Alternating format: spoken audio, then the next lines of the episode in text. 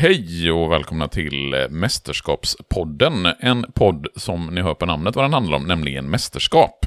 Och jag som pratar heter Mattias Axelsson och eh, på andra sidan om Göteborg i sitt badrum med mikrofonen uppställd framför sig sitter Gustav Brink Larsen. Hej Gustav.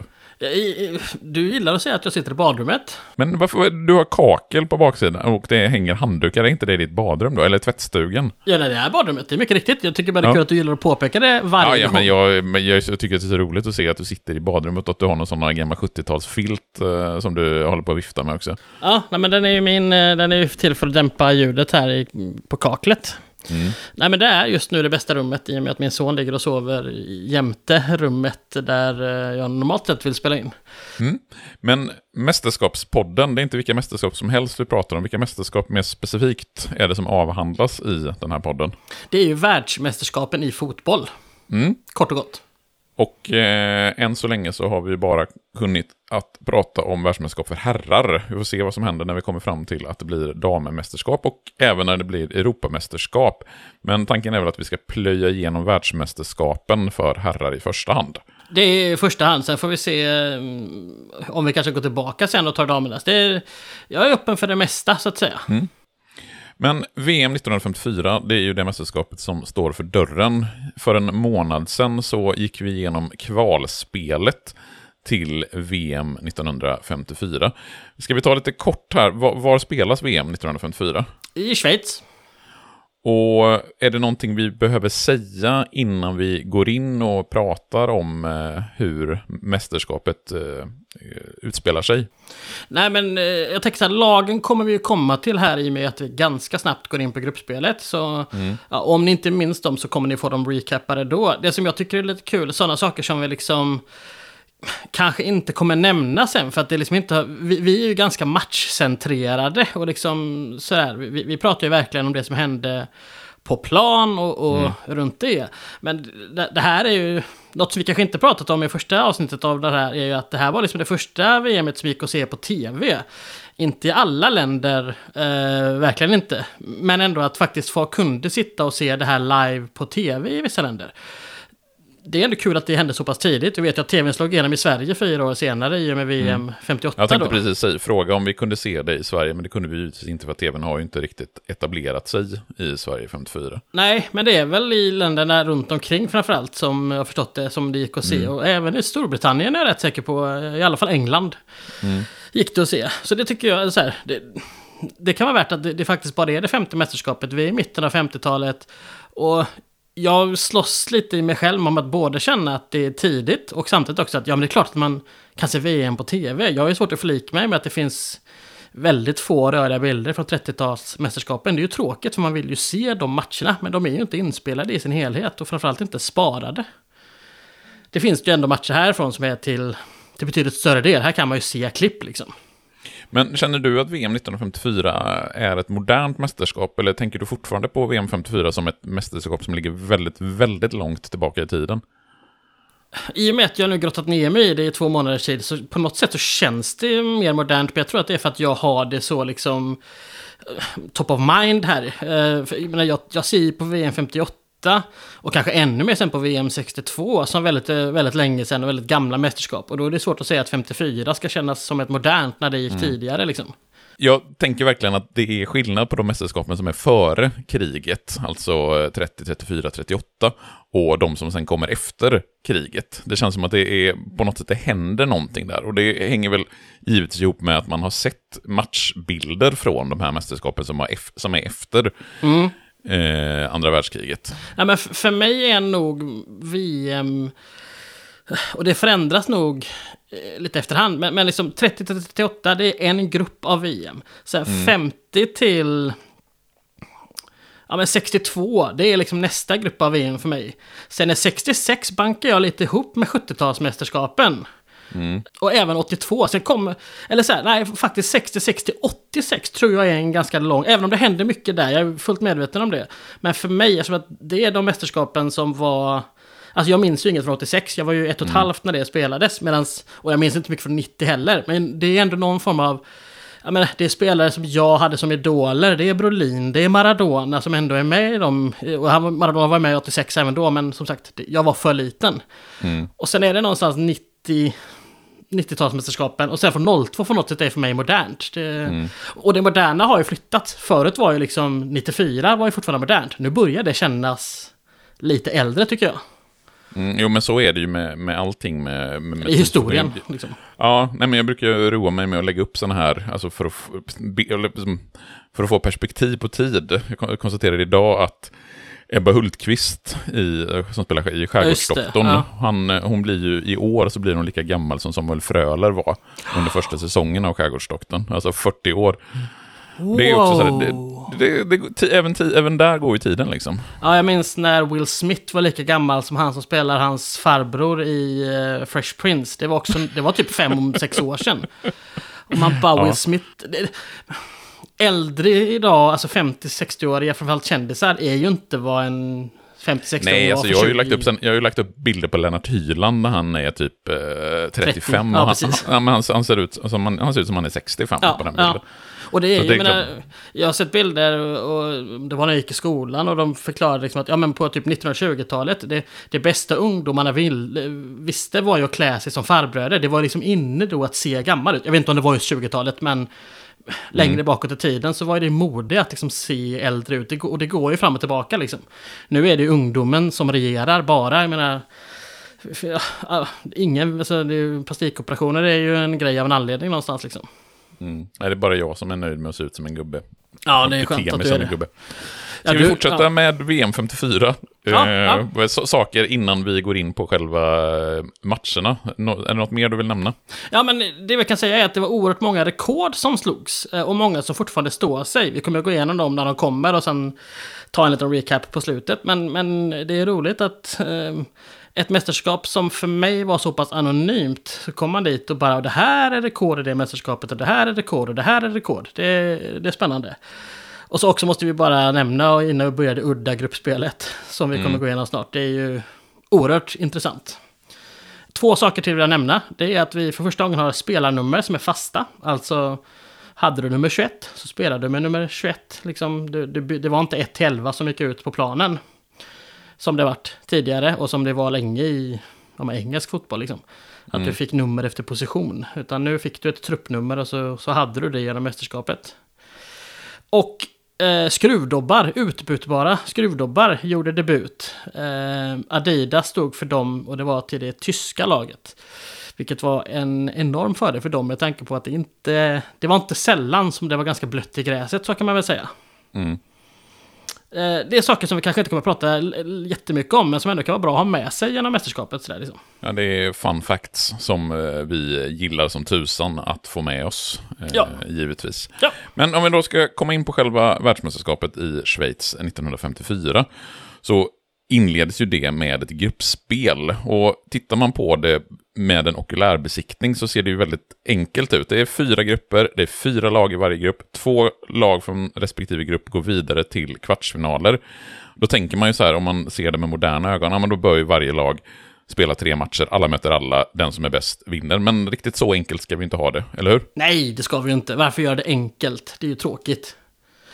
Vi kan börja med att säga att eh, slutspelet är ganska enkelt. För där har man tagit bort det här experimentet man hade 1950. Eh, utan här är ett rakt eh, klassiskt slutspel-ish. Att man hade kvartsfinaler, semifinal, final.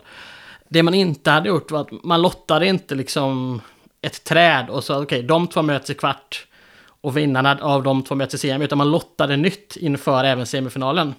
Man behövde inte lotta nytt inför finalen eftersom att då var det bara två lag. Men, men det var liksom inte ett färdigt träd man gick in i i kvartsfinalspelet. Eh, men gruppspelet ja. Vi har ju pratat om det i förra avsnittet.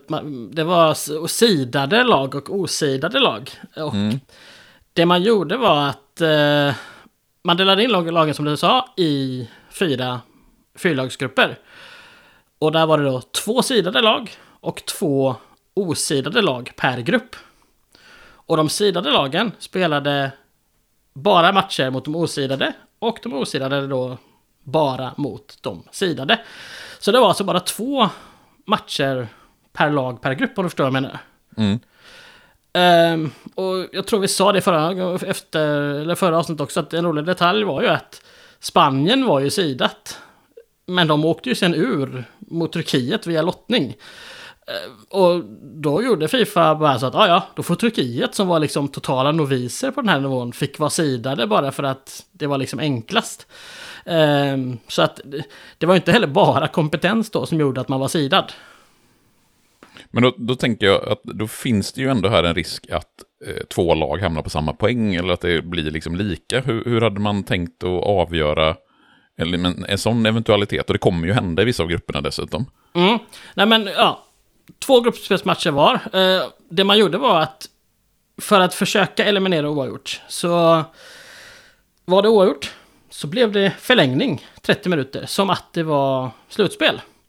Eh, om inget lag lyckades vinna i den förlängningen så ja, då nöjde man sig med oavgjort och liksom en poäng var ändå. Eh, mm. Och de två lag då som samlade flest poäng skulle gå till slutspelet. Om två lag då som du frågade om hamnade på samma poäng och de här lagen eh, slog som slutspelsplats, det vill säga om tvåan och trean i grupperna hamnade på samma poäng. Eh, då blev det en extra playoff helt enkelt, som man gillar. Alltså man fick spela en avgörande match. Och även den var ju då, hade då varit 90 minuter plus 30 om det behövdes. Och sen lottning om det hade behövts. Så mm. att, eh, ja.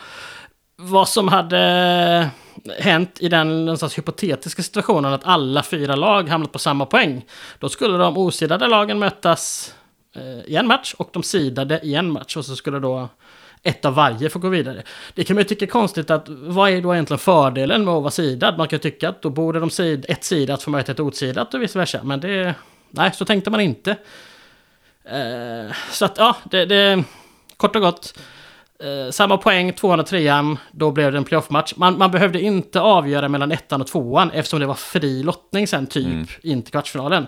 Så vilket lag som kom etta eller tvåa var inte lika relevant. Alltså det här upplägget känns ju ändå ganska komplicerat. Alltså även om det är tydligt när du förklarar det så här. Så kändes det som är det det? det? Är, är, det tydligt? Jag känner jag, själv. Jag, jag, men, nej, men jag tycker att det är ganska tydligt. Alltså det, det är fyra, fyra lag, två sidade, två osidade. De sidade möter de osidade. Och så är det den som får flest poäng som vinner. Eller går vidare, de två som får flest poäng som går vidare. Och blir det samma poäng så blir det playoff-match. Det är väl ganska enkelt. Jo. Men inte helt logiskt. Så jag tänker, hur, hur reagerade länderna på det här upplägget? Nej, det togs inte emot eh, jätteväl. Dels för den faktum att det är sportsliga, alltså alla lag möter inte alla. Och då blir det ju inte en 100% procent sportslig eh, ja, sportslig rättvisa i det. Det är som när jag, det pratas om det ibland i moderna tider, att Eh, man vill införa en 39 omgång i Premier League som ska spelas överallt runt i världen. Alltså man helt enkelt, man vill kunna placera matcher i Saudiarabien, i Qatar och säkert i Australien och sådär. Och att man då eh, antar att det skulle vara liksom så lockande matcher som möjligt. Så jag gissar att då kanske United och Liverpool skulle mötas. Och för mig skulle mm. det ju förta hela grejen. För att då blir, alltså så här, har du en, en liga på 38 omgångar, alla lag möter alla två gånger, ja då har du en sportsligt så fair, liksom, så, så rättvist som möjligt. Sen har alla lag olika förutsättningar med pengar och vissa har ägare som kastar in pengar. Det kan vi inte göra så mycket åt just nu. Men alla lag spelar i alla fall två gånger 45 minuter lika många gånger. Mm. Eh, mot samma motstånd. Skulle då liksom Ja men, eh, säg att det skulle vara liksom ettan mot den som ligger sist som möts. Ja men då, hur stor chans är det för den som ligger sist att ta den? Alltså, så här, det, ja, men det, är som, det, är, ja, men det är som att titta på de här galna experimenten vi hade i Sverige med eh, mästerskapsserier ja. och liknande under början på 90-talet. Det var ju helt galet. Och jag vet att jag kommer, de kan det ha varit 90, 92, 93 någonstans där när Elfsborg fortfarande låg i division 1. Eh, det var någon av de här säsongerna som var superrörigt i hur man kvalificerade sig, hur man gick upp och så vidare. Och då vet jag att Borås Tidning hade någon text, att det var teoretiskt möjligt för Elfsborg som då låg i eh, division 1 södra och Norrby som låg i division 2 södra, att de skulle ställas i en direkt avgörande kvalmatch för vilket lag som skulle gå upp i allsvenskan. Men då var det ett väldigt så här snirkligt träd av olika saker som skulle hända. Ja, men, Men- ja, nu får någon gärna rätta mig här som har bättre koll. Men jag för mig att typ ÖIS eller något sånt lag gick upp två divisioner på en säsong. Eller? Ja, det kan, det kan stämma. Jag har något, också något vagt minne. Men jag är ju precis som du helt med på att alltså, det bästa är ju en rak serie. Alla möter alla lika många Ja. gånger. Den som har flest poäng vinner. Sen så hade det ju givetvis varit omöjligt i ett världsmästerskap. Där gillar man ju ändå att det finns ett slutspel Ja. involverat i det hela, givetvis. Men jag gillar ju inte att det är som i hockeyn, till exempel med eh, i SHL, när det är 326 matcher som måste spelas för varje lag innan det blir någon typ av slutspel och sen är det 326 matcher i slutspelet. Nej men jag, jag gillar VM och även men Champions League och de här. Att det är liksom, det är ett förhållandevis kort gruppspel. Och sen så får du ju numera då motstånd lottat mot dig baserat. Alltså, kommer du etta i en grupp i VM idag så får du möta en som kom tvåa i, i åttondelsfinalen. Eh, Alltså att presterar du bra så får du möta ett, ja, i teorin då, svagare motstånd. Sen så är det ju alltid liksom jag menar, en dödens grupp som det pratas om i många mästerskap. Där kan ju tvåan i en grupp tekniskt sett egentligen vara ett mycket bättre lag. Men någonstans är det ju att okej, kommer du etta i en grupp så får du möta en som kommer tvåa. Och det är ju sportsligt rättvist utefter resultaten i det här mästerskapet. Och det är ju det man får utgå från någonstans liksom. Men, Ja. aha, vi har väl förutsättningarna lite grann klara för oss hur man hade tänkt åtminstone. Och du har sagt att hälften av lagen i det här världsmästerskapet är sidade. Turkiet blir ju det lite av en slump. Eftersom de tar Spaniens plats, jag säga. Det, det, de, eh, Spanien var ju sidat, men Turkiet blir sidat istället. Men vilka är de övriga sidade lagen? Sju stycken bör det väl bli då. Ja, det är Brasilien, England, Frankrike, Italien, Uruguay, Ungern och Österrike. Och därtill ska vi lägga åtta osidade lag för att få ihop hela det här världsmästerskapet med 16 lag. Fyra gånger fyra, fyra grupper, fyra i varje, 16 stycken. Belgien, Jugoslavien, Sydkorea, Mexiko, Schweiz, Skottland, Tjeckoslovakien och Västtyskland är då osidade. Och om vi då ska titta på grupperna, vill du gå igenom dem, eh, bara säga kort vilka som ingår i varje grupp, eller ska vi ta dem eh, när vi kommer till respektive grupp? Nej, men vi kan ta dem bara. Alltså, Brasilien och Frankrike är sidade i grupp 1 och hamnar med Jugoslavien och Mexiko. Ungern och Turkiet får med sig Västtyskland och Sydkorea. Uruguay, Österrike får med sig Tjeckoslovakien och Skottland. Och så i grupp 4 har vi England, Italien, Schweiz och Belgien. England och Italien alltså sidade, Schweiz och Belgien icke sidade. Är det någon grupp här du skulle kalla då för dödens grupp av de här fyra? Ehm... Nej, ja, trean möjligen faktiskt på förhand. Alltså Uruguay är ju regerande världsmästare, men eh, Österrike ansågs väl svag. Nej, nej, faktiskt inte på förhand. Eh, Det är ingenting, ingen grupp här som riktigt sticker ut som den klassiska dödens grupp i VM 2002. Eh, nej, vi- framför, framförallt inte på förhand. Eh, man pratar Nej, sen- gärna om Västtyskland som en stark nation, men de ansågs ju inte vara det riktigt före det här mästerskapet. Så att, eh, nej, jag passar på den. Ja, nej, givetvis. Med facit i hand så blir ju grupp två lite grann av en dödens grupp med Ungern, Turkiet, Västtyskland. Äh, fast i Turkiet, Sydkorea är inte jätteimponerande. exakt. det, blir ingen, det blir ingen dödens grupp där heller, givetvis. Nej, Hade det varit Jag- ett bra sidat lag istället för Turkiet där, då hade det kunnat kvalificera. Liksom. Ja, hade det varit eh, Ungern, Spanien, Västtyskland och Sydkorea, då hade vi kunnat möjligtvis... En dödens för- mm, grupp tillsammans med plus Sydkorea, typ sådär liksom. Ja, jo, Ja. möjligtvis så. Men om vi börjar med grupp ett. Ja, det kan man väl göra. Ehm, av den här, nu kommer jag zona iväg lite här. För jag, jag fastnade på en grej och det är att Fifa är fortfarande vid den här tiden dåliga på att göra liksom någon form av jippo av invigningsmatchen. Och då kan vi lika gärna börja eh, med grupp 1. Mm. Så här, när jag säger jippo, jag är ju extremt emot dagens invigningsmatcher där liksom en världsartist ska dit och spela. Alltså det blir ju som Super Bowl, eh, invigningsmatcher och även finalerna. Och jag, hatar ju det egentligen. Men jag tycker någonstans att någonting kan man väl göra av det. Och jag hade en för mig att liksom de regerande mästarna alltid skulle inviga mästerskapet. Men så visade det sig historiskt inte ha varit faktiskt. Men när, när, börjar, när börjar man med det då? Nej, men det började med senare, för liksom 1930 så, ja, då spelade, då var det åt, eller ja, då spelade Frankrike och Mexiko, Mexiko samtidigt som USA och Belgien. det var ju då vem som blev VM-historiens första målskytt avgjordes ju och sådär. Att fransmannen gjorde mål först liksom.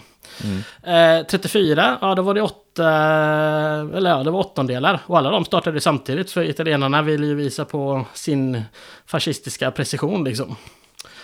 1938 så inledde Schweiz Tyskland eh, och inget av de lagen var ju vare sig regerande mästare eller värdar så att det, ja, det, det, är väl mer av en slump att det blev de antar jag liksom. Eh, 1950 får Brasilien som värdar äran att få vara med och inviga mästerskapet. Medan i det här 1954 då så är det fyra matcher samtidigt. Och visst, där är regerande mästarna Uruguay ett av de åtta lag som spelar. Men eh, ja, det är fortfarande inte en invigningsmatch på det sättet. Eh, 58 så spelar Sverige-Mexiko faktiskt ensamt. Eh, visst, de alla andra lag går in i turneringen samma dag, fast fem timmar senare. Men där fick väl Sverige som värdland då någon form av ära att, att börja. Eh, och i Chile 62 spelar Chile en av tre invigningsmatcher. Eh, matcher. Eh, och Brasilien är med i en av de andra och de är regerande mästare. Så att det, ja, ingen logik heller. Men sen börjar vi få någon form av struktur på det. För 66 och eh, 70 då medverkar både England, alltså England 66 och Mexiko 70, som de är värdar då. Och det är därför de spelar invigningsmatcher. Sen följer åtta mästerskaps, eh, mästerskap med det jag tyckte då är den fina traditionen att eh, regerande mästarna får äran att spela öppningsmatchen. Ofta liksom verkligen själva dagen före nästa match. Inte i alla mästerskap, men liksom antingen tidigare på dagen eller dagen innan. Men sen ändrar man eh, 2006 Eh, för att få Tyskland som värdar istället öppna turneringen. Och så har det fortsatt fram till nu då 2022 när Qatar fick vara med och inviga. Och logiken till varför man bytte från regerande världsmästarna till värdarna är ganska enkel när man väl kommer på den. Och det är att 2002 var i alla fall senaste gången som regerande mästarna automatiskt kvalificerar sig. För från VM 2006 så måste världsmästarna kvalificera sig in, alltså det har vi sagt innan, det kan, eller det kommer säkert komma ett VM framöver där vi inte har en regerande mästare. Men eh, samtidigt så, ja de har ju kvalificerat sig varje gång så att man borde ju någonstans kunna låta mm. världsmästarna spela ändå. Men man vill väl någonstans ge, ja, man vill väl någonstans ge världarna äran att få inleda. Jag antar att det är så enkelt liksom. Ja, men då blir det lite intressant om man tittar på nästa VM som ska gå 2026, som eh, delas av Kanada, Mexiko och USA. Ja. Vi, har ju haft, vi har ju haft en gång tidigare, det är väl Japan-Sydkorea 2002 som enda gången tidigare som två länder har delat på ett världsmästerskap, mm. vad jag kan minnas. Men frågan är, vad gör man då tror du? Jag tror man kör någon form av luffarschack med alla tre. Ah, Nej, intressant jag... tanke, intressant tanke. Jag vet inte, Fifa har inte ens bestämt om det ska vara tre eller fyrlagsgrupper. De har ju jag tror de ändrade sig. De hade bestämt att det skulle vara 48 lag som skulle delas in i trelagsgrupper. Mm. Men så insåg man i VM nu i höstas att att ha tre, att, alltså ha fyrlagsgrupper med tre matcher var, det ger rätt bra spänning. Så att eh, jag tror man har kommit till sans där. Eh, men vi får väl se. Eh, jag antar att det är bestämt att något lag, eh, att något land har finalen och något lag har Alltså invigningen, då kanske det tredje ja, laget ja, att spela invigningen, jag vet inte. Ja, så kan det, så kan det vara. Så kan det vara. Men okej, okay, då har du fått grotta ner det här i invigningsmatcher. Nu vill jag ändå börja med fotbollen 1954, grupp 1, som alltså innehåller Brasilien, Mexiko, Jugoslavien och Frankrike. Yes, eh, och där inleder vi med Brasilien, Mexiko i eh, Genève. Och eh, det blir en planenlig, planenlig brasiliansk seger. Eh, 5-0 eh, faktiskt. Det var väl lite att, eh, lite att ta i. Eh, mellan matchminut 23 och 43 sätter man fyra mål och då är det liksom, ja men då är det ju godnatt Mexiko. Det ska ha varit oerhört mediokert väder, vilket blir någonstans en följetong i det här mästerskapet. Så att bara 14 000 åskådare på en arena som tar 36. Så det var ju synd. Nästa match bör ju logiskt sett vara Jugoslavien-Frankrike, eftersom det är de två andra lagen i gruppen. Det är korrekt. Eh, I Lausanne spelar den och Jugoslavien är enligt Svenska Dagbladet i alla fall spelmässigt överlägsna. Men det blir faktiskt bara ett mål. Eh, men det gör juggarna så att de, ja, de tar en rättvis, eh, rättvis seger. Milos Milutinovic sätter det målet efter en kvart. Fransmännen har en bra period. att kvittera, men eh, den jugoslaviska målvakten är... Han är fin. Och sen tar juggarna över i andra halvlek och spelar väl, eh, spelar väl av matchen enligt Svenska Dagbladet. DN mm. är inte lika översvallande. Han tycker att juggarna är bättre, men att det generellt är en ganska dålig match. Men det kan väl de få tycka om de vill. Det viktigaste för Jugoslaviens del är ju att man slår det sidade laget Frankrike. Och i nästa match så kommer de båda vinnarlagen från första omgången, Brasilien och Jugoslavien, att ställas mot varandra. Liksom förlorarna ställs mot varandra. Om vi börjar med Brasilien-Jugoslavien. Ja, eh, precis. Ja, de tog någonstans chansen att spela vidare eh, varandra. För i, i tvåpoängssystemet så innebar ju det att hade de fått en poäng var så hade de båda gått vidare och det är precis det som händer. Det verkar dock inte ha varit någon uppgörelse eh, att liksom, okej, okay, vi, vi spelar av den här matchen lugnt och stilla, utan det ska ha varit en, eller det var en hård eh, bra match, högt tempo. Eh, Jugoslavien gjorde mål tidigt i den andra halvleken eh, genom Branka Sebec. Men Didi kvitterar med 20 minuter kvar. Den här Didi ska vi prata om mycket i nästa mästerskap. För han var en av 1958 års bästa spelare. Men han eh, kvitterar i alla fall till 1-1 och det står sig 90 minuter och det står sig även, eh, även genom förlängningen. Och eh, vi har den första, eller nej det har vi inte alls, men vi har en av många oavgjorda grupp, gruppspelsmatcher i det här VMet. Men eftersom då Brasilien och Jugoslavien spelar 1-1 och därmed hamnar på tre poäng vardera så blir ju matchen mellan Frankrike och Mexiko egentligen meningslös. Eh, men vi kanske ska ta den för formalias skull ändå. Ja, alltså det är någonstans fransmännen gör vad de kan. Eh, eh, går till 1-0 i halvtid eh, och tidigt i andra gör de 2-0 eh, innan mexikanerna Eh, både reducerar och kvitterar. Men storspelaren Raymond Kopa sätter 3-2 på straff med eh, två minuter kvar. Vilket gör att Frankrike vinner och då kommer trea i gruppen. Vilket ju är helt eh, meningslöst. Mm. Eh, Mexikanerna är inte helt nöjda med straffen som eh, fransmännen fick. Protesterade eh, rejält. Det ska ha varit en del handgemäng på plan, alltså slagsmål, från missnöjda mexikaner. Men efter de fyra matcherna i gruppen så kan vi i alla fall konstatera att Brasilien och Jugoslavien är vidare till kvartsfinal medan Frankrike och Mexiko får packa sina väskor och resa hem igen efter eh, ett misslyckat gruppspel.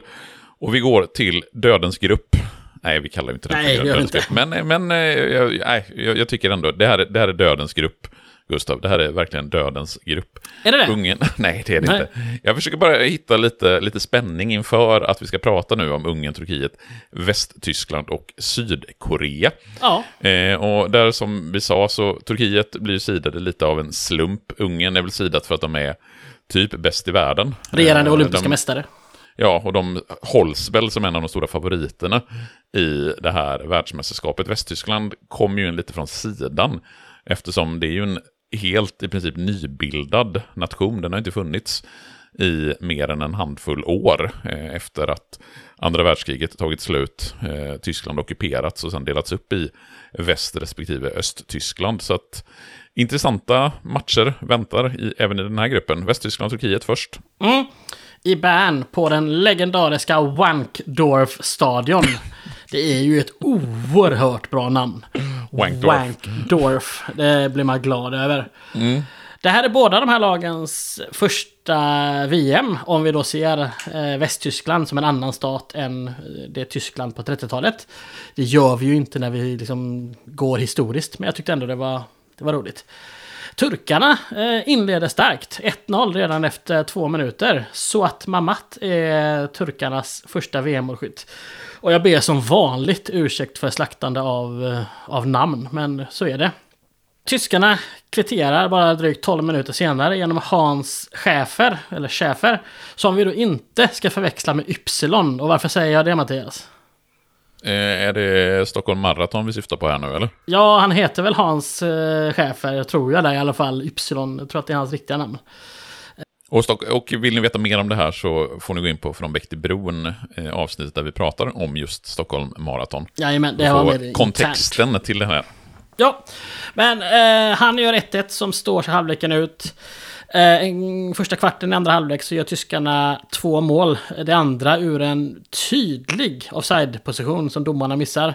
Och då gick eh, luften lite grann ur turkarna. De fortsätter kämpa väl, men de liksom... De är slagna ändå. Eh, Max Morlock punkterar matchen med fem minuter kvar genom att sätta 4-1. Och tyskarna får en bra start på turneringen. Mm.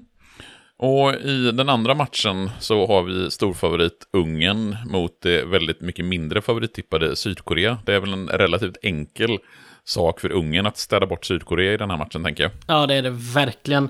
Det, märks, det märktes på arenan i Zürich att intresset var sådär. Det var en halvfull arena. Eh, och faktum är att vi, vi bjuds här på det som fortfarande är en, ja det är inte VM-historiens största VM-seger, men det är en av VM-historiens största segrar någonsin. För Ungern vinner med 9-0. Eh, Ferenc Puskas inleder och avslutar eh, målskyttet. Eh, Sandor Kosic som eh, ska vinna skytteligan i mästerskapet gör ett nästan äkta hattrick däremellan. Jag tror att det är att han gör två mål. Han gör tre mål på rad, men ett av det kommer i andra halvlek vill jag minnas. Eh, Dagens Nyheter är inte nådiga mot de stackars koreanerna. Att, det är verkligen så här, de skriver verkligen att de är för dåliga. De försökte med sparka och spring, men de kunde inte ens springa. Eh, de får inte ett enda skott mot mål, eller ett enda skott alls. Eh, och sen har vi lite det här... Hmm, konditionen från citat de små hjulbenta asiaterna, slutcitat, trött. Så att det är, ja, inte så fräscht kanske. Men 9-0 ska ha varit i underkant. Eh, och ifrågasätter man DN så kan man konstatera att Svenska Dagbladet ger exakt samma rapport i princip resultatet i underkant. Ungrarna roade sig med liksom att träna anfall i andra halvlek snarare än vad de faktiskt spelar riktig fotboll. Liksom. Och mm. sydkoreanerna är helt tröttkörda. Så att, ja, tråkigt att vara sydkoreaner i det läget. Mm. Och tråkigt att vara västtysk efter den andra matchen som Ungern spelar i den här turneringen. Ja, det får man säga. För ungrarna, som sagt, deras Wunderteam, alltså deras Golden Team, Magic Magyar och allt, eller Magyar allt vad de kallades. Går ut mot Tyskland och eh, ja, de sätter fart på en gång. 1-0 Sandra Kocic efter eh, tre minuter. Hans första av fyra mål i matchen. Man hade 3-0 efter 20 minuter innan då tysken Alfred Pf, Alfred Pfaff, Pfaff, Pfaff, Pfaff, Tack. Reducerar. Så det är 3-1 till Ungern i halvtid. Men två mål tidigt i den andra halvleken gör ju att ja, matchen i praktiken är avgjord. Men eh, ungefär halvvägs in i halvleken så kommer en sak som skulle påverka faktiskt hela mästerskapet. För det är eh, Ferenc Puskas, alltså storstjärnan. Ja, jag vet inte om man ska säga världens bästa, men i alla fall en av de absolut bästa spelarna vid den här tiden. Och hade han spelat 20, 30, 40 år senare hade man väl pratat om honom som en av världshistoriens bästa spelare. Nu är det lite för tidigt nästan. Eh, för att... Nej, jag, tror, jag tror att folk som är riktigt duktiga på fotboll och som har koll på fotbollshistorien fortfarande håller Puskas som en av de absolut stora, absolut ja. största i uh, historien. Ja, men jag minns när han dog, att det blev liksom en stor grej i hela fotbollsvärlden. Um, han tacklas hårt och brutalt enligt ungrarna. Um, av centerhalven Werner Liebrich. Eh, tyskarna hävdar att eh, Puskas bara landar konstigt. Men oavsett vilket som är sant så han ådrar sig en ankelfraktur och tvingas lämna matchen. Och ådrar man sig en ankelfraktur i ett VM som är knappt månadslångt så bör ju VM vara slut. Det är det tack och lov inte, men han måste utgå från den här matchen i alla fall. Vilket i och för sig inte... Ja, det stod 5-1 till tyskarna då, det slutade 8-3.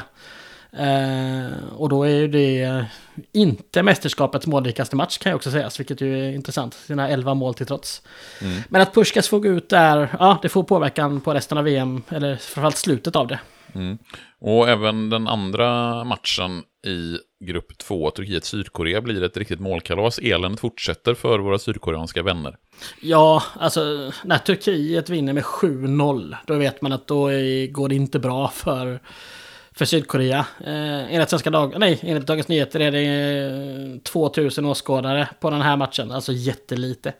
Eh, turkarna har 4-0 i halvtid, det blev 7-0. Eh, Hattrick av Buran Sargun.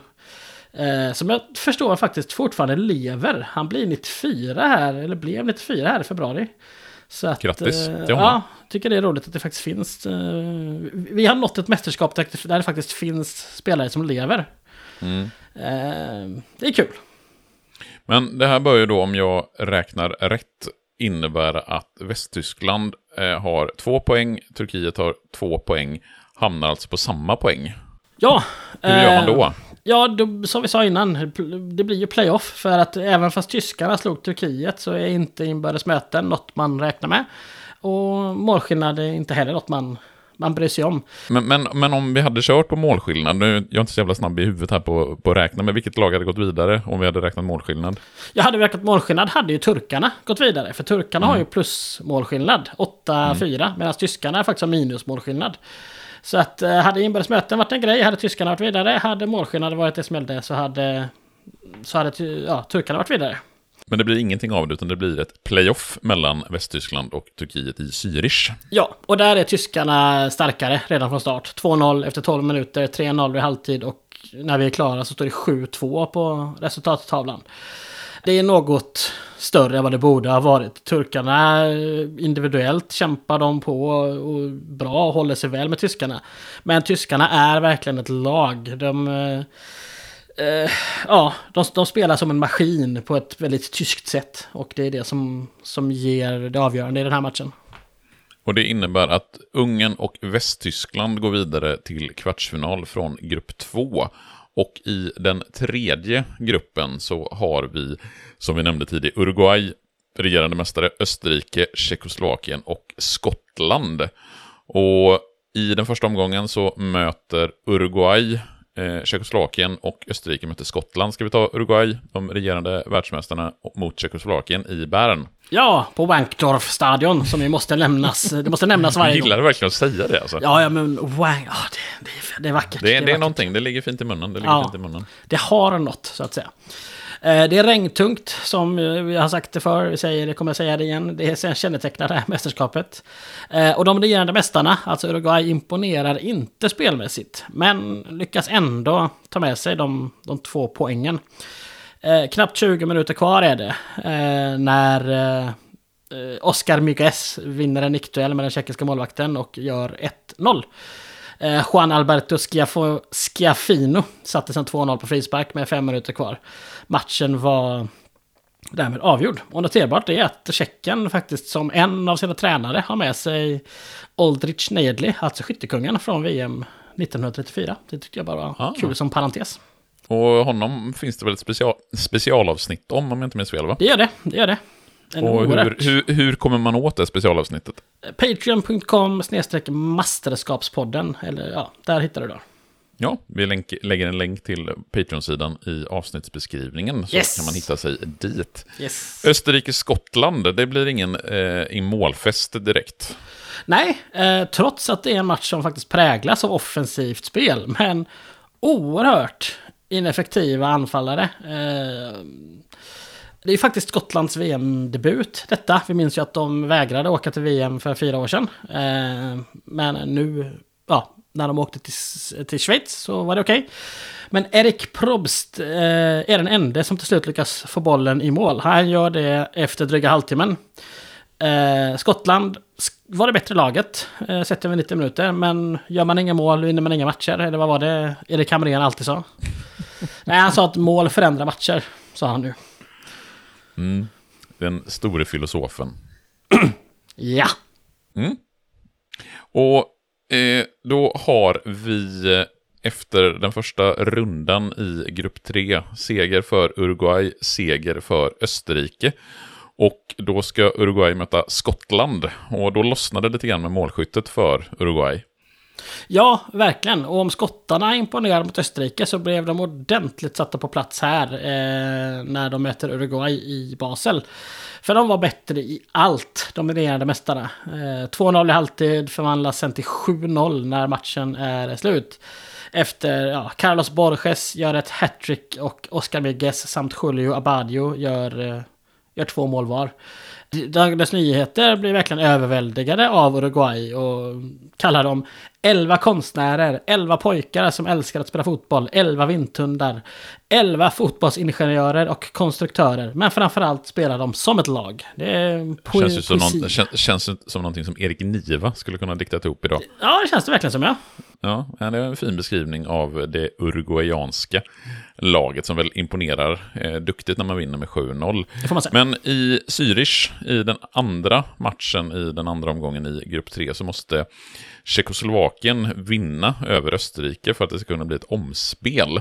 Men det tänker österrikerna inte tillåta att Tjeckoslovakien gör. Nej, så är det verkligen. Eh, man inleder med att göra två mål på fyra minuter. Eh, och det sätter väl någonstans tonen. Eh, Ernst Stojaspal, eh, ettan och Erik Probst gör eh, tvåan. Sen så skulle Probst i minut 24 och ja, jag skulle göra mål i minut 21 och 24 också. Och eh, gör därför mästerskapets första äkta hattrick. Och det är också faktiskt tidernas eh, snabbaste hattrick i VM-historien.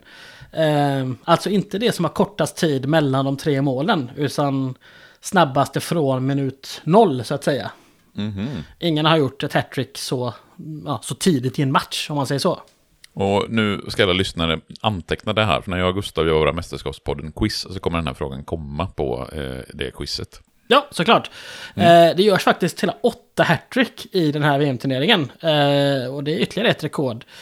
Man är alltså överlägsna på hattrick i den här turneringen. Eh, I tre mästerskap 1938, 82 eh, och 86 har det gjorts fyra hattricks. Och det är näst mest. Det är alltså dubbelt så många i det här jämfört med näst mest. Eh, något som är intressant tycker jag att det faktiskt har gjorts minst ett hattrick i varje VM. Eh, I några är det bara ett. Men det har gjorts minst ett i varje. Två är det vanligaste. I nio av mästerskap har det gjorts två hattrick. Mm. Um, ja. Det är väl två VM-finaler som det har gjorts hattrick i. Japp, det är det nu. Jag har för mig att jag försökte göra det som en quizfråga till dig på Messenger. Och jag för mig att du klarade den frågan också, så jag tänker inte köra det som en quizfråga. Men du kan ju säga, du kan säga det ändå, som du vet det. Ja, Geoff Hurst gjorde ju hattrick då ehm, för England 1966. Och Kylian Mbappé gjorde ju hattrick nu i höstas. Mm. Um, vi ska säga bara för formalien att uh, Stoja Spål eh, sätter sitt andra mål med 25 minuter kvar av den här matchen. Och det blir alltså 5-0 till Österrike. Och det här innebär ju att både Uruguay och Österrike tämligen komfortabelt tar sig vidare. De har inte släppt in ett enda mål. Skottland och Tjeckoslovakien åker ur med buller och bång eftersom de inte har gjort ett enda mål. Men vi ska nu ta oss till den fjärde gruppen.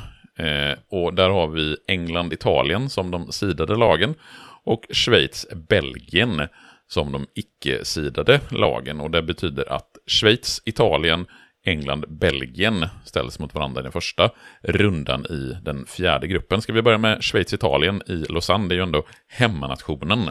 Ja, det kan vi göra. De går in mot sin södra granne och sin fotbollsmässiga storebror, alltså schweizarna. Eh, ett fullsatt stadion, eh, 50 000 åskådare, lite knappt. Gott om italienare också, så att, eh, jag kan tänka mig att det var bra Bra stämning på läktarna. Eh, italienarna kommer ut starkast. Eh, men det är ändå schweizarna som gör det första målet. De hämtar sig och Robert Ballaman, vilket också är ett bra bollmannen, liksom, gör 1-0 efter 18 minuters spel. Eh, italienarna fortsätter vara bättre spelmässigt och några minuter före halvtidsvilan så kvitterar Juventus-ikonen Giampiero Bommiperti till 1-1 i mitten av den andra halvleken så eh, har italienarna en boll inne. Men eh, domaren blåser av för ruff mot en av anfallarna. Och istället så är det faktiskt Schweiz som lyckas sätta 2-1. 12 eh, minuter kvar. Josef Hugi sätter den i nät efter några hårda dueller med det italienska försvaret. Så sin dominans till trots fick alltså italienarna se sig slagna med 2-1 och hemmanationen inleder bra. Och det får man väl ändå se som en lite av en skräll. Eh, i eh, Schweiz match, i eh, första matchen i det här världsmästerskapet. Ja, Italien har ju hämtat sig efter eh, ja, den här kraschen som Torino råkade ut för 49. Man har ju man har lyckats återbygga ett, ett ganska bra landslag. Men eh, det räckte inte den här gången. Och i den andra matchen i första rundan i grupp 4 så har vi Sverigedödarna. Ah. Belgien, det är de som har slått ut Sverige som gör att Sverige inte kunde ställa upp. Men jag vill bara, när vi nu ändå pratar om Sverigedödarna och att Sverige inte är med i det här världsmästerskapet, eh, nämna att eh, jag, jag hittade precis innan vi satte på inspelningen en liten notis ja. i, i Svenska Dagbladet som är eh, publicerad bara några veckor innan VM börjar. Och då står det så här.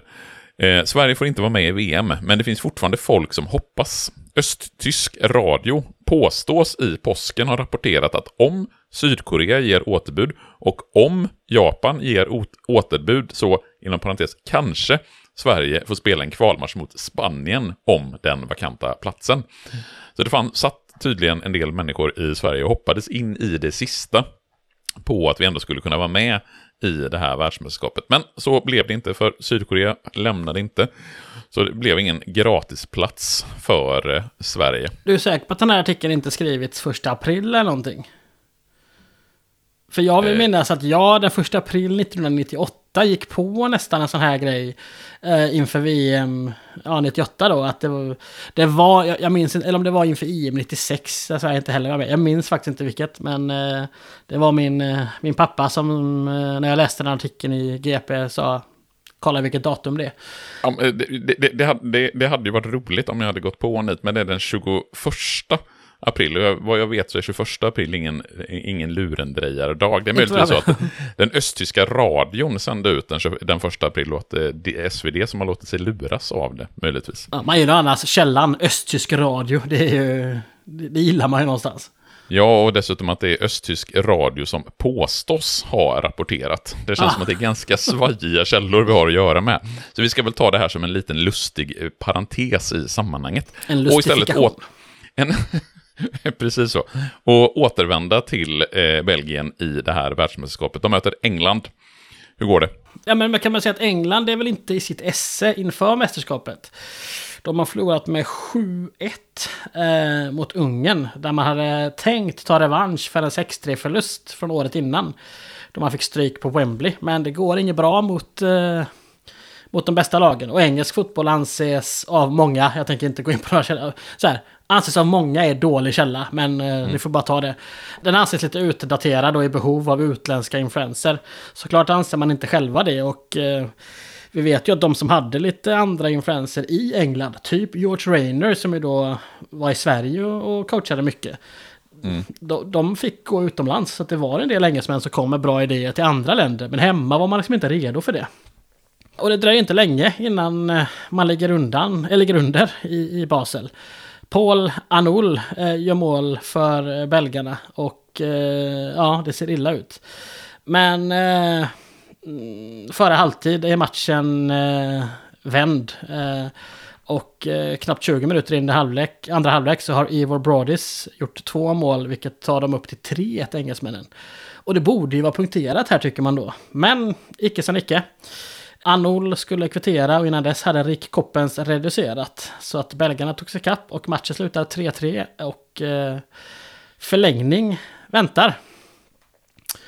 Där sätter en kille som heter Nathaniel Lofthouse, det var han som gjorde 2-1 målet för England. Han sätter också 4-3 till, eh, till engelsmännen tidigt i förlängningen. Men Jimmy Dickinson gör sen självmål och utjämnar för belgarna. Och 4-4 står sig sen förlängningen ut. Så att eh, en poäng var i Basel. Ja, det är härligt målrika matcher som eh, liksom fortsätter plöja in i det här världsmästerskapet. Men om vi då tittar eh, efter första rundan så har Schweiz två poäng. England respektive Belgien har väl en poäng var då. Eh, så när Italien och Belgien möter varandra i nästa runda så är ju egentligen båda lagen i stort, framförallt Italien, i enormt behov av poäng för att ha någon som helst möjlighet att ta sig vidare. Så är det verkligen. Um, och här är det istället uh, en 30 grader värme i Lugano som möter spelarna. Um, Belgien, de hade verkligen stått för en kämpainsats mot England, vilket gav dem oavgjort. Och man hade behövt det, man hade behövt den här gången med. Och man hade ihop det bra i första halvlek, men man drar på sig en straff med bara några minuter kvar av den. Och Egisto Pandolfini slår in den till, till 1-0. Och man försöker hänga med belgarna i andra halvlek, men Giancarlo Galli kunde göra 2-0 bara tre minuter in i halvleken. Och tio minuter efter det kommer 3-0. Och då, då blir belgarna trötta och eh, ja, kommer inte till så mycket. Men visst, man får till en reducering. Eh, Paul Anoul, som gjorde två mot England reducerar mm, till 4-1. Därför att före det har Benito Lorenzi satt 4-0. Så att eh, ja, belgarna åker ut efter kämpainsats som ledde till ingenting. Och i den andra eh, matchen i den andra rundan så möts England och Schweiz. Ja, och där tvingas engelsmännen till diverse ändringar. Storstjärnan Stanley Matthews eh, är skadad. Och eh, Lofthouse, tvåmålsskytten från första matchen, han är sjuk. Så att eh, två ganska starka, stora avbräck. Och man hade ju spelat 120 minuter mot Belgien och eh, ja, nio av spelarna hade gjort det. Och det var, det var ganska, det blev ganska tröttkört för det var tydligen närmast tropisk hetta i Bern den här dagen. Så att det var en varm dag emellan alla regndagar. Eh, det här lyckades schweizarna inte utnyttja för de borde ju ha satt upp tempot. Men eh, de lyckas inte göra det. Eh, de drabbas också av värmen och det blir stundtals gå-fotboll snarare än en, en riktig fotboll.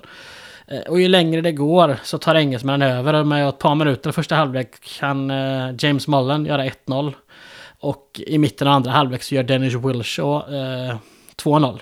Efter det så gör eh, England gör en Italien och lägger sig på försvar och man, eh, man rider ut det. Eh, Schweizarna pressar på och försöker men nej, man kommer inte till några, några chanser kommer till. Men inga, inga mål.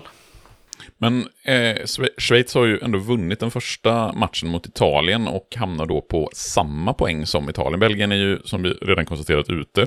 Fast de bara gjort en oavgjord match mot England. Men Schweiz respektive Italien hamnar ju båda två på två poäng. Och om jag har fattat det här rätt, hur det här världsmästerskapet är tänkt att fungera, så blir det playoff mellan grannarna. Ja, vi får ju alltså igen, i, i två av grupperna får vi den bisarra grejen då att två lag möter varandra två gånger. Mm. Eh, Västtyskland och Turkiet möttes två gånger och även Schweiz och Italien. Och på förhand så är det italienarna som är favoriter i den här matchen. Att eh, man, eh, man förväntar sig att liksom, Italien är bättre och, och ska städa undan den här matchen när man väl är inne i turneringen nu. Eh, och man förväntar sig att schweizarna ska ta sig an matchen försiktigt. Istället så går man ut och spelar en ganska offensiv match, och det överrumplar eh, italienarna.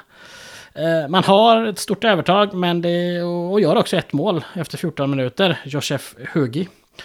Eh, det är dock det enda målet man får med sig i första halvlek. Men man lyckas göra 2-0 tidigt i andra halvlek. Robert Ballaman, min favorit. Ett av mina ba favoritnamn. Ballaman. Ja.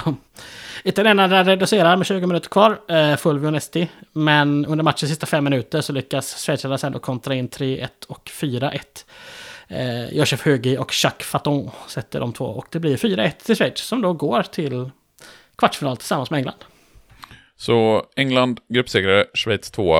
Eh, då har vi alla lag från grupp, de fyra grupperna vidare. Och du har berättat att eh, det är inte något sånt där på förhand avgjort slutspelsträd. Att ettan i grupp ett möter tvåan i grupp 4 eller någonting. Utan det här ska lottas.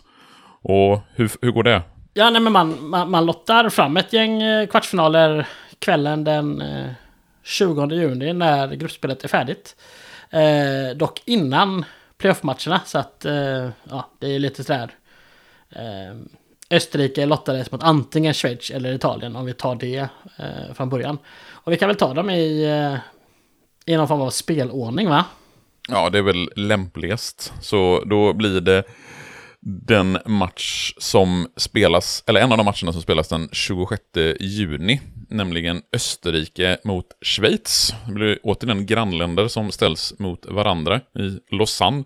Precis, alpmöte. Eh, och är det, det här... någonting som du själv har kommit på det ordet, eller är det ett etablerat begrepp när eh, Österrike och Schweiz möter varandra? Jag tror nog att jag, jag har...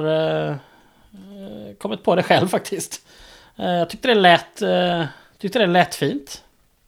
Ja, jag tycker vi, vi kör på det. När Österrike och Schweiz ska möta varandra så är det... Nej, Alpderbyt måste du få heta. Oh, ja. I Ah, Lausanne var det alltså dags för Alpderby. Österrike ju- mot Schweiz. Det lät ju ännu bättre. Ja, och det här, det här namnet, eller den här matchen har ju fått ett sånt, det är en sån som har fått ett sånt eh, namn. Och det är inte sådär miraklet i eller slaget om, eller det är till viss del slaget om. För nu ska jag försöka uttala ett ord här. Hitzeschlacht von Lausanne är det vad den här matchen kallas på tyska. Det låter ju väldigt brutalt. Hitzeschlacht von Lausanne. Vad betyder det? Ja men hitze betyder typ värme eller hetta och schlacht är helt enkelt slag. Alltså som i battle, alltså ett, ett, ett krigsslag. Eh, En, en svensk översättning tycker jag, har jag tyckt var skitsvår att få till. Ja, men Värmeslag blir ju helt fel, Ja. för det är någonting helt annat. det är som 50 000 åskådare som ligger ner och bara... ja. Nej men så här, slaget i hettan i Lausanne är väl det bästa jag får till på svenska och det tycker jag inte är bra. Det det är funkar väl- är inte alls lika fräckt som Hitzeschlacht von Lausanne. Nej, eh, jag pratade med en, en, en kollega som har bott i Tyskland och jag nämnde ordet Hitzerschlacht hundra gånger för honom och han tyckte det var bra roligt. Så att, eh, jag gillar att säga Hitzerschlacht von Lausanne. Det gör också något att det är Lausanne, liksom att det är... Ja, det, det, det är någon krydda på moset just att det är Lausanne också. Men det är en brutal match, eller vad är det som föranleder det här epitetet? Nej, men matchen ska dra igång klockan fem på eftermiddagen och det är 40 grader varmt. Så att, ja, bara där har vi, där har vi hitse någonstans då kan vi säga. Och eh, första kvarten har vi inte så mycket, så här, det är väl, första kvarten lägger vi åt sidan. Sen bryter någon form av helvete löst. ja men Josef Ballaman, nej förlåt inte Josef, Robert Ballaman gör 1-0 efter 16 minuter. Eh, och Josef Hugi, det, för det är de två som gör det för Schweiz, eh, sätter tvåan bara minuten efter. Två minuter senare gör han också 3-0. Så Schweiz går alltså snabbt och effektivt upp till en säker 3-0-ledning. Österrike är slagna, eller hur? Mm. Ja, det tänker ju jag. Med, med 3-0 i röven så lägger man sig ner och ger upp i den här 40-gradiga värmen. Ja, ja, nej, ja mm, absolut. Men nej då. Eh, sex minuter efter schweizarnas 3-0, då reducerar Theodor Wagner, Wagner, Wagner. ja, eh, och det är inte bara ett tröstmål. För en minut senare så sätter Alfred Körner, eh, eller Körner, Körner, eh, 2-3. Och ytterligare en minut senare så gör Wagner sitt andra för dagen och matchen är därför kvitterad inom loppet av bara några minuter igen. Bam, bam, bam gick det där. Så har vi 3-3. Ja, 3-0, 3-3. yes. Och vi, ja, ni ska inte tro att vi, vi är klara. Nej, vi, vi, vi, nej, alltså, vi är för fan fortfarande i första halvlek. Ja, för liksom att vi spelar av den här matchen till halvtid och så återsamlar vi oss då. Det tänkte absolut ingen. Eh, Ernst Ortsvirk eh, sätter 4-3 till Österrike efter 32 minuter. Två minuter efter det sätter Körner sitt andra till 5-3. Så då har vi plötsligt fem mål eh, på nio minuter. ja. Eh, halvleken är liksom målmässigt heller inte eh, över. Utan Ballaman kommer igen och reducerar till 5-4. Eh, och det blir till slut eh, halvtidsresultatet. Och de här, fem, alltså, de, här fem målen, det är alltså fem mål på nio minuter från Österrike. Det är unheard of liksom. Eh, jag minns att eh, i VM 94 så säger väl eh, Bosse Hansson någon gång, och tre mål på 17 minuter. Och man bara, ja, sitt ner i båten. Sitt ner i båten. Österrike-Schweiz alpderbyt 1954. Varför är det ingen som pratar om det nu för tiden? Nej, det, det borde pratas mer om det Hitzerschlacht från Lausanne. Kan jag Det är tycka. tur att mästerskapspodden finns så att någon pratar om det här, eh, den här drabbningen. Men du vill säga någonting mer innan vi eh, liksom går in i eh, andra halvlek? Ja, ja, ja. För eh, Kurt Schmidt, alltså i det österrikiska målet, han ska i slutet av första halvlek har behövt ersättas av en av sina utespelare. För han drabbas av solsting mitt i matchen. Så att då är liksom eh, österrikarna en man mindre under del av matchen. Och Och det sa vi nog inte i början, men byten är ju då inte tillåtna i det här mästerskapet. Det hade börjat smygas in i fotbollen lite här och var, men inte i det här VMet. Eh, han återkommer dock i den andra halvleken, men det kan också bara... Det är faktiskt på plan en spelare, och dessutom spelaren som har keps då, för det hade ju målvakten under den tiden. Han, eh, han får solsting. Det är ju... Ja, det har något det också. Ja, och vi ska väl ta oss in då i den andra. Det känns som att man, man är nästan lite svettig efter den här första halvleken. Man kan nästan känna den här värmen och pulsen i Lausanne. Men hur, hur går det i den andra halvleken? Ja, den blir inte lika tokig som liksom 5-4 i första halvlek. Eh, Theodor Wagner gör i den 53 minuten, ja då fullbordar han sitt hattrick genom att sätta 6-4 till eh, Österrike. Eh, men Josef Hugi, han kämpar på och han reducerar till 6-5 med sitt eh, tredje mål i matchen. Eh, men med kvarten kvar så punkterar eh, Erik Probst matchen med det sista målet i matchen 7-5. Och den här matchen som alltså har 12 mål i sig, det är fortfarande den mest målrika matchen i VM-historien. Något jag finner är väldigt intressant och roligt, det är att Svenska Dagbladet skriver handbollssiffrorna 7-5. Mm. Och jag ska säga att jag har väldigt dålig koll på handbollshistoria, men gjordes det så mycket färre mål i handboll på den här tiden? Ja, och tittar man på eh, det var ju faktiskt ett världsmästerskap samma år i handboll, eh, som spelade faktiskt i Sverige i januari 1954. Eh, då, då är vi inte liksom nere på de nivåerna. Eh, kanske inte riktigt så som, men det är en, en match som slutar 11-11, en match som slutar 16-8. Men så har vi också matcher som slutar 27-4 och 23-14. Ja. Men går man till det mästerskap som är dessförinnan, och då är det för eh, herrarna i handboll 1938, för de gjorde ju också uppehåll under kriget. Ja eh, VM 1938 som spelas i Nazityskland. Där har vi faktiskt den typen av resultat. Där är det liksom 2-1, 7-2, 5-4, 7-2, 5-4. Och alltså, sen en match. Sa du 2-1? Ja, 2-1 mellan Sverige och Danmark i, enligt Wikipedia-sidan. Nu ska jag inte, jag ska eh, inte ta i, nej, är den 6 februari 1938 så möts Danmark och Sverige och det blir alltså 2-1 i den matchen. Det måste ju verkligen varit en annan sport, alltså att man, man liksom spelade på ett helt annat sätt. Ja, det har förmodligen hänt någonting med regler eller liknande. Ja. Alltså, det är alltså ett genomsnitt på nio mål per match i eh, VM 1938 för eh, herrar i handboll. Och vad kan det nu vara? 40, 45, 50 i snitt? Ja, ja, någonting sånt skulle det vara. Så det är inte orimligt faktiskt att man säger handbollssiffror om en 7-5 match i fotboll när Nej. den spelas 1954. Nej, för jag kollade på lite elitseriesiffror och då tyckte jag vid den här tiden att det hade börjat spränga iväg till mer den typen mm. av resultat som vi har idag. Men ja, om den här rapporten då ligger 10 år, alltså har referens 10-15 år bak i tiden. Och det är ju inte konstigt att man har det liksom.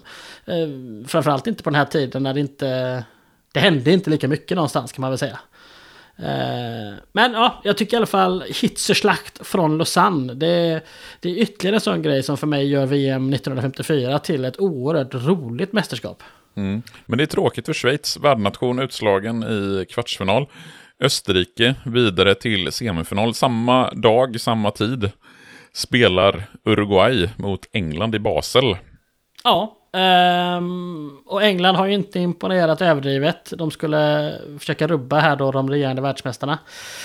Men man sätter sig i skiten direkt. Uh, Carlos Borges gör 1-0. Uh, ehm, men Nathaniel Lofthouse har blivit frisk och han kvitterar efter en kvart. Så att uh, lite morgonluft har engelsmännen där. Men ser man till matchen igenom så är Uruguay det bättre, det bättre laget. Eh, Obduelo Varelas skott sjabblas in av den engelska målvakten med fem minuter kvar till halvtid och då var det som att luften lite grann gick ur eh, engelsmännen. Också direkt i andra halvlek så sätter Schiaffino 3-1 till eh, Uruguay och sen Javier Ambrois sätter 4-1. Så, och då gör inte Sir Tom Finnis reducering eh, speciellt mycket trots att han var en av engelsmännens bästa spelare för dagen så, ja, så blir det 4-2 till Uruguay och som då går vidare till semifinal. Så de regerande världsmästarna, de är vidare till semifinal. De tuffar på. De tuffar på. Vi hoppar en dag framåt i kalendern till den 27 juni 1954. För då har vi de två andra kvartsfinalerna, Brasilien-Ungern och Västtyskland mot Jugoslavien. Ska vi börja med eh, Västtyskland-Jugoslavien? Ja, i Genève spelar de. Um, um, och vinnarlaget här kommer få Österrike i semifinalen, även om det inte är lottat vid spel tiden. Jugoslaverna går in som favoriter mot de något osidade, eller mot, inte mot de något osidade tyskarna, mot de osidade tyskarna. Ja, det är väl en sån väldigt binärt, antingen så är Ja. du osidad eller så är du sidad. Du kan liksom bara, någonstans där mittemellan. Nej, Ja. du är antingen sidad eller osidad. Det har du helt rätt i, det var Mm. jag som eh, felpratade. Ja, jag tänkte jag lägger en liten stund där på att poängtera att du sa fel. Det tycker jag. Mm. Eh, jugoslaverna är dock generösa. Eller Ivica Horvat eh, i det jugoslaviska laget, laget är generösa mot tyskarna. För han nickar in bollen i eget mål efter 10 minuter. Och vi har 1-0 till tyskarna. Men det är Jugoslavien sen som dominerar resten av matchen spelmässigt. Men ett disciplinerat Tyskland försvarar sig bra och Eh, kontrar helt okej. Även om det är tyskarna som, eh, eller förlåt, det är jugoslaverna som skapar mest chanser. Eh, rutinerade Tony Turek i det tyska målet ska ha gjort en suverän match. Eller han gör en fantastisk match. Och med fem minuter kvar så ger de tyskarna, tyska kontringarna utdelning. Helmut Rahn. Eh, som i gruppspelet bara fick spela förlustmatchen mot Ungern, men han kommer återkomma senare i mästerskapet. Han eh, får ett friläge och gör inget misstag. 2-0 till Västtyskland som är semifinalklara. Och vi har en kvartsfinal kvar. Och det här är ju ett riktigt dundermöte. Vi har det här ungerska drömlaget. Vi har Brasilien som ju ändå alltid är Brasilien. Eh, De kommer ju från ett världsmästerskap eh, 1950 på hemmaplan som blev ett sårigt mästerskap för deras del, skulle man väl kunna säga. Så Brasilien har ju tryck på sina axlar att prestera i den här kvartsfinalen. Och det har ju, den har ju gått till historien som en, en av de här klassiska VM-matcherna. Ja, den fick inte ett lika roligt namn som Hitzerslacht från... Oj, gud vad jag slaktade. Hitzerslacht från Lausanne. Den här har väl, alltså, slaget om Bern. Eh, mer, mer traditionellt namn. Inte riktigt lika roligt, men eh, det är ändå ett slag. Ja, någonstans on point också för vad, det, vad som faktiskt hände. För det, det var väl förmodligen den alltså, mest fram emotsedda kvartsfinalen. Just av anledningarna som jag pratat om. Att Brasilien är Brasilien och Ungern hade sitt eh, Wonder Team vid den här eh, tiden. Men det blir våldsamt både på och eh, utanför eh, planen. Och det här ordet kommer jag använda även senare i turneringen. Men på förhand så sågs detta lite som en moralisk eh, final. För det, som det här var två av de absoluta favoriterna. Eh, något som är negativt för ungrarna är ju då att Ferenc Puskas inte kommer till spel. Skadan han eh, ådrar sig mot tyskarna är inte läkt. Men eh, därmed inte sagt att han inte är involverad i vad som händer. Eh, så kan vi säga. Och sägas på förhand bara också att matchen spelades i regn på en blöt plan som gjorde bollen svårkontrollerad. Och vi, vi är ju på Wankdorf-stadion också. Ja, men man blir ju lite fascinerad över det här som schweiziska klimatet, att det kan gå från liksom, ösregn till 40 grader värme till... Alltså, hur många olika klimatzoner ligger i Schweiz? Det är väl ett ganska litet land?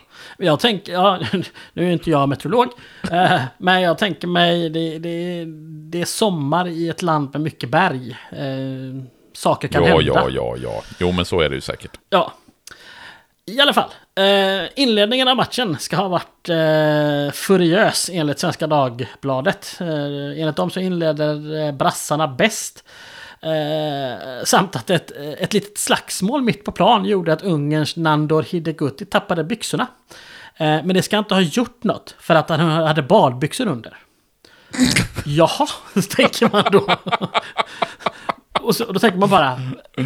Ett, vad är definitionen av badbyxor på den här tiden? Och två, ja det var ju blött. Så vad fan liksom. Ja, jag Eh, tänker ju ändå att han hade Speedos på sig. Ja, det, det var säkert det. Det är en bild man vill ha i huvudet. Ja, det... Lite ändå. Men, ja. Eh, samma Hidek Guti, eh, eller Hidek Kuti, hur det nu ska uttalas, gjorde 1-0 till Ungern eh, i den fjärde minuten. Så att vi har alltså haft ett slagsmål och ett mål och då har vi gått eh, fyra minuter. Eh, vi behöver inte vänta länge heller, för Sandor Kosic eh, gör 2-0 i den sjunde minuten. Eh, och ungrarna då stormar mot semifinal och eh, ja, Puskas frånvaro verkar inte vara så farlig. Men eh, brassarna får kontakt. Det är mycket vändningar i det här mästerskapet tycker jag. Alltså att folk går upp till liksom 2-3 ledningar och sen så hämtar man eh, ikapp. Eh, och Jalma Santos eh, får i 18 minuten sätta 1-2 på straff. Och både Svenska Dagbladet och DN är eniga om att resten av eh, halvleken var slagsmål och eh, hårda tacklingar. Mm. Det försöks spela någon form av fotboll emellanåt, men det görs inga mål, utan vi har 2-1 till Ungern i halvtid. Och någon gång tidigt i andra halvlek så går högerytter Josef Tåt eh, ur skadad eh, för Ungern. Det ska inte ha varit slagsmålsrelaterat ska sägas. Eh, men då blir då eh, en man mindre ett tag. Han ska ha lyckats återkomma i spel. Jag har inte lyckats klara ut när för att det är lite oklara. Mm. Ja, det är fortfarande lite oklart. Eh, men det var inga större problem ändå. För efter timmen så gör eh, Mihaly Lantos 3-1 på straff. Vilket leder till ytterligare kaos. Och både brasilianska ledare och även journalister ska ha behövt dra av planen av polis. Så att, eh, ja men ja, det är ju någonstans... Ja, det, händer, det händer grejer i det här världsmästerskapet alltså. Det händer grejer. Ja, fem minuter efter 3-1 målet så sätter Julinho, eh, inte Juninho utan Julinho, eh, 3-2. Och eh, om vi liksom har haft kaos hittills så är det nu det ska börja urarta. För med 20 minuter kvar så kapar brassen Nilton Santos Josef Bosik och de börjar slåss. Eh, och till slut så kan den engelska domaren inte längre liksom inte göra något utan de här två spelarna blir utvisade. Liksom, jag älskar någonstans, jag tycker till viss del att fotbollen idag har liksom alltså gone soft. För mig känns det som mm. att så fort en spelare lyfter foten från marken och har en dobb i närheten av en tackling så pratar folk om rött kort. Man tar in, eller så här, väldigt många tycker jag tar väldigt lite hänsyn till var det någon kraft inblandat? Eller hade han bara foten där? Och liksom, mm. Jag tycker också att bolltapp, där man försöker sträcka sig efter bollen och så hinner någon annan in under glidtackla och så råkar man träffa foten ja men ska vi inte ha lite överseende med det att man ändå... Du tänker att det, det enda som egentligen bör generera rött kort det är ett rejält drängaslagsmål mitt på planen. Allt om, annat ska ja, passera. Om vi säger att du tycker det, du som är från landet, så, så lägger jag mig någonstans mitt emellan dagens fotboll och drängaslagsmål. Ja, alltså, nej, jag, gillar, jag gillar ju det här som det är i VM 1954. Det är drängaslagsmålen, det är då du möjligtvis får ett rött kort. Ja, och det, här, det är ju roligt att det är det mm. som krävs liksom. Eh, men något som också är roligt det är att Bosik, alltså ungraren som blir utvisad, han sitter vid den här tidpunkten i det ungerska parlamentet. Och DN pratar om, skriver om att han bör ju föregå med gott exempel och att han därför kan bli avstängd. Liksom till följd av utvisningen. För det ska vi veta att en, av, en utvisning här ger inte avstängning i nästa match som det är nu. Eh, men det pratas om att men han, för att han är den han är så borde han stängas av. Eh, det, det, är en annan tid. Det är därför, man, gillar, man gillar det. Man gillar ja. det. Ja, för att ja, Ungern håller ju undan. Eh, Kosic, våran skyttekung, sätter 4-2 med minuter kvar. Och eh, den här fotbollsmatchen, eller vad man nu vill kalla den, är över. Spelet är över. Men bråken är inte över. För spelare och ledare, säkert journalister och andra är, är nere och bråkar i omklädningsrummen. Ferenc Puskas har lyckats hoppa ner där med sin enbente och kasta en flaska i huvudet på brassarnas Pineiro och liksom ja, domaren ska ha lämnat arenan i sällskap av 20 poliser. Och, och polis behöver också till slut gå in och avbryta slagsmålen liksom i omklädningsrummet. Och två poliser ska ha blivit skadade så att vi kan sitta och skratta åt det. Men det är fort, alltså så här, Och det kan man när det är 70 år senare tycker jag. Men det är mm. ändå liksom... Det är på riktigt någonstans ändå. Mm. Och det är, det, är liksom, det är skarpa protester från Brasilien, eh, även liksom efter matchen. Man har vissa synpunkter på domaren. Ja, man lämnar in den här protesten ganska sent ska säga, så man är väl medveten om att man inte kommer få igenom den, men man vill ändå punktera någon, eller liksom, man vill ändå protestera. Och en av sakerna man protesterar mot är domaren och att han ska ha varit kommunistsympatisör. För att han ska liksom ha haft några ungerska eh, ledare inne på sitt rum före matchen och, och att ja, han det blir ju roligt någonstans när man bara, ja men han är kommunistsympatisör, dömt och dömt mot oss. Eh, jag ska också att DN skriver att protesten är för barnslig för att tas på allvar. det, ja, jag vet inte om det är roligt bara eller om det också har någon form av underliggande kolonial... Ja det, alltså, ja, det finns ju så mycket i det här på något sätt som, och det är väldigt intressant det här med liksom, att man slänger in den här kommunist... Eh, facklan i, eh, på branden på något sätt. Ja. För Ungern är ju kommunistiskt vid den här tiden. Det är ju efter andra världskrigets slut, kalla kriget, är ju i full gång och Europa är väldigt tydligt uppdelat i en västlig eh, del och en östlig del, där den östliga delen är från Polen i norr ner till Jugoslavien, Albanien i söder är länder som mer eller mindre kontrolleras av Sovjetunionen, eller åtminstone är kommunistiska. Albanien och Jugoslavien är väl relativt självständiga gentemot Sovjetunionen, men de är kommunistiska i alla fall. Och Ungern är ju ett av dessa länder. Hur mycket, om jag bara eh, tar det lite på sängen här, men hur... Hur mycket styrs Ungern från Moskva liksom? Nej men alltså Ungern är precis som de andra länderna som är med i Warszawapakten och då är Sovjetunionen, det är Polen, det är Tjeckoslovakien, det är Ungern, det är Rumänien, det är Bulgarien. Det är ju länder som mer eller och Östtyskland då givetvis. Såklart, det är ju såklart. länder som, men man skulle ju nästan kunna räkna det som sovjetiska kolonier. Sen ska man ju komma ihåg, och det kommer vi väl lite grann till när vi pratar om finalen, att Ungern kom ju två år efter det här världsmästerskapet att eh, genomgå en revolt, den så kallade Ungernrevolten. Och det är ju ett uppror just mot den sovjetiska regimen och mot det sovjetiska förtrycket och mot den, som man nästan upplever det i Ungern, den sovjetiska ockupationen av Ungern. Så 1954 så kan man absolut säga att Ungern är kontrollerat och det är en kommunistisk stat, definitivt. Mm. Ja, men kul. Men fotbollsmässigt så kan vi konstatera att Västtyskland kommer möta Österrike i semifinal. Och Ungern kommer ta sig an Uruguay, eller hur? Ja, och semifinaler, Västtyskland, Österrike. Ytterligare ett sånt här, eh, vad ska vi kalla det då, om när vi har grannen Anschluss derbyt. För att ha en, en osmaklig historisk referens. Ja, det får stå för dig som eh, tycker jag. Nej men det är också någon form av eh, ja, centraleuropeiskt derby. Mm. Anschluss-derbyt kallar vi det. Ja, de spelar... Förlåt, förlåt Gustav, jag var tvungen. Ja, det är okej. Eh, vi kan ta semifinalerna kan vi ta ganska snabbt för det är verkligen... Eh, ja, det, det är ganska ointressant framförallt det första här. För Västtyskland slår Österrike med 6 6-1. Eh, Och man- vad säger man då? Ja, det är uh, tennissiffror. Tennissiffror. Ja, ja ehm, och ty, alltså österrikarna imponerar ändå och spelmässigt. Men det är återigen hårt och väl arbetande tyskar som, eh, som går till ledningen. Och det är våran vän Hans Schäfer som gör 1-0 målet. Eh, början, av den, början av den andra halvleken är lite roligare för där, är det, där händer det mycket. Fem mål på 20 minuter. Eh, Max Morlock gör två minu- 2-0 två minuter in i halvleken. Erik Probst reducerar fyra minuter senare. Eh, tre minuter efter det sätter Fritz Walter 3-1 på straff innan hans lillebror Ottmar Walter sätter 4-1 i den 61 minuten. Storebrorsan vill dock vara lite bättre och sätter 5-1 igen på straff bara några minuter senare. Eh, så vi har gått alltså från 1-0 till 5-1 på 20 minuter i den andra halvleken. Eh, Matchen är såklart avgjord. Men i slutminuterna så ville lillebrorsan Ottmar vara lika bra som storebrorsan. Så han sätter 6-1 och blir därför tvåmålsskytt även han. Och vi har Västtyskland, semiproffsen, till final. Och då blir det den andra semifinalen Ungern-Uruguay. Är det en lika enkel historia? Nej, det är, men det är ytterligare en av de här med mycket twists and turns, så att säga. Ehm, De regerande olympiska mästarna mot de regerande världsmästare.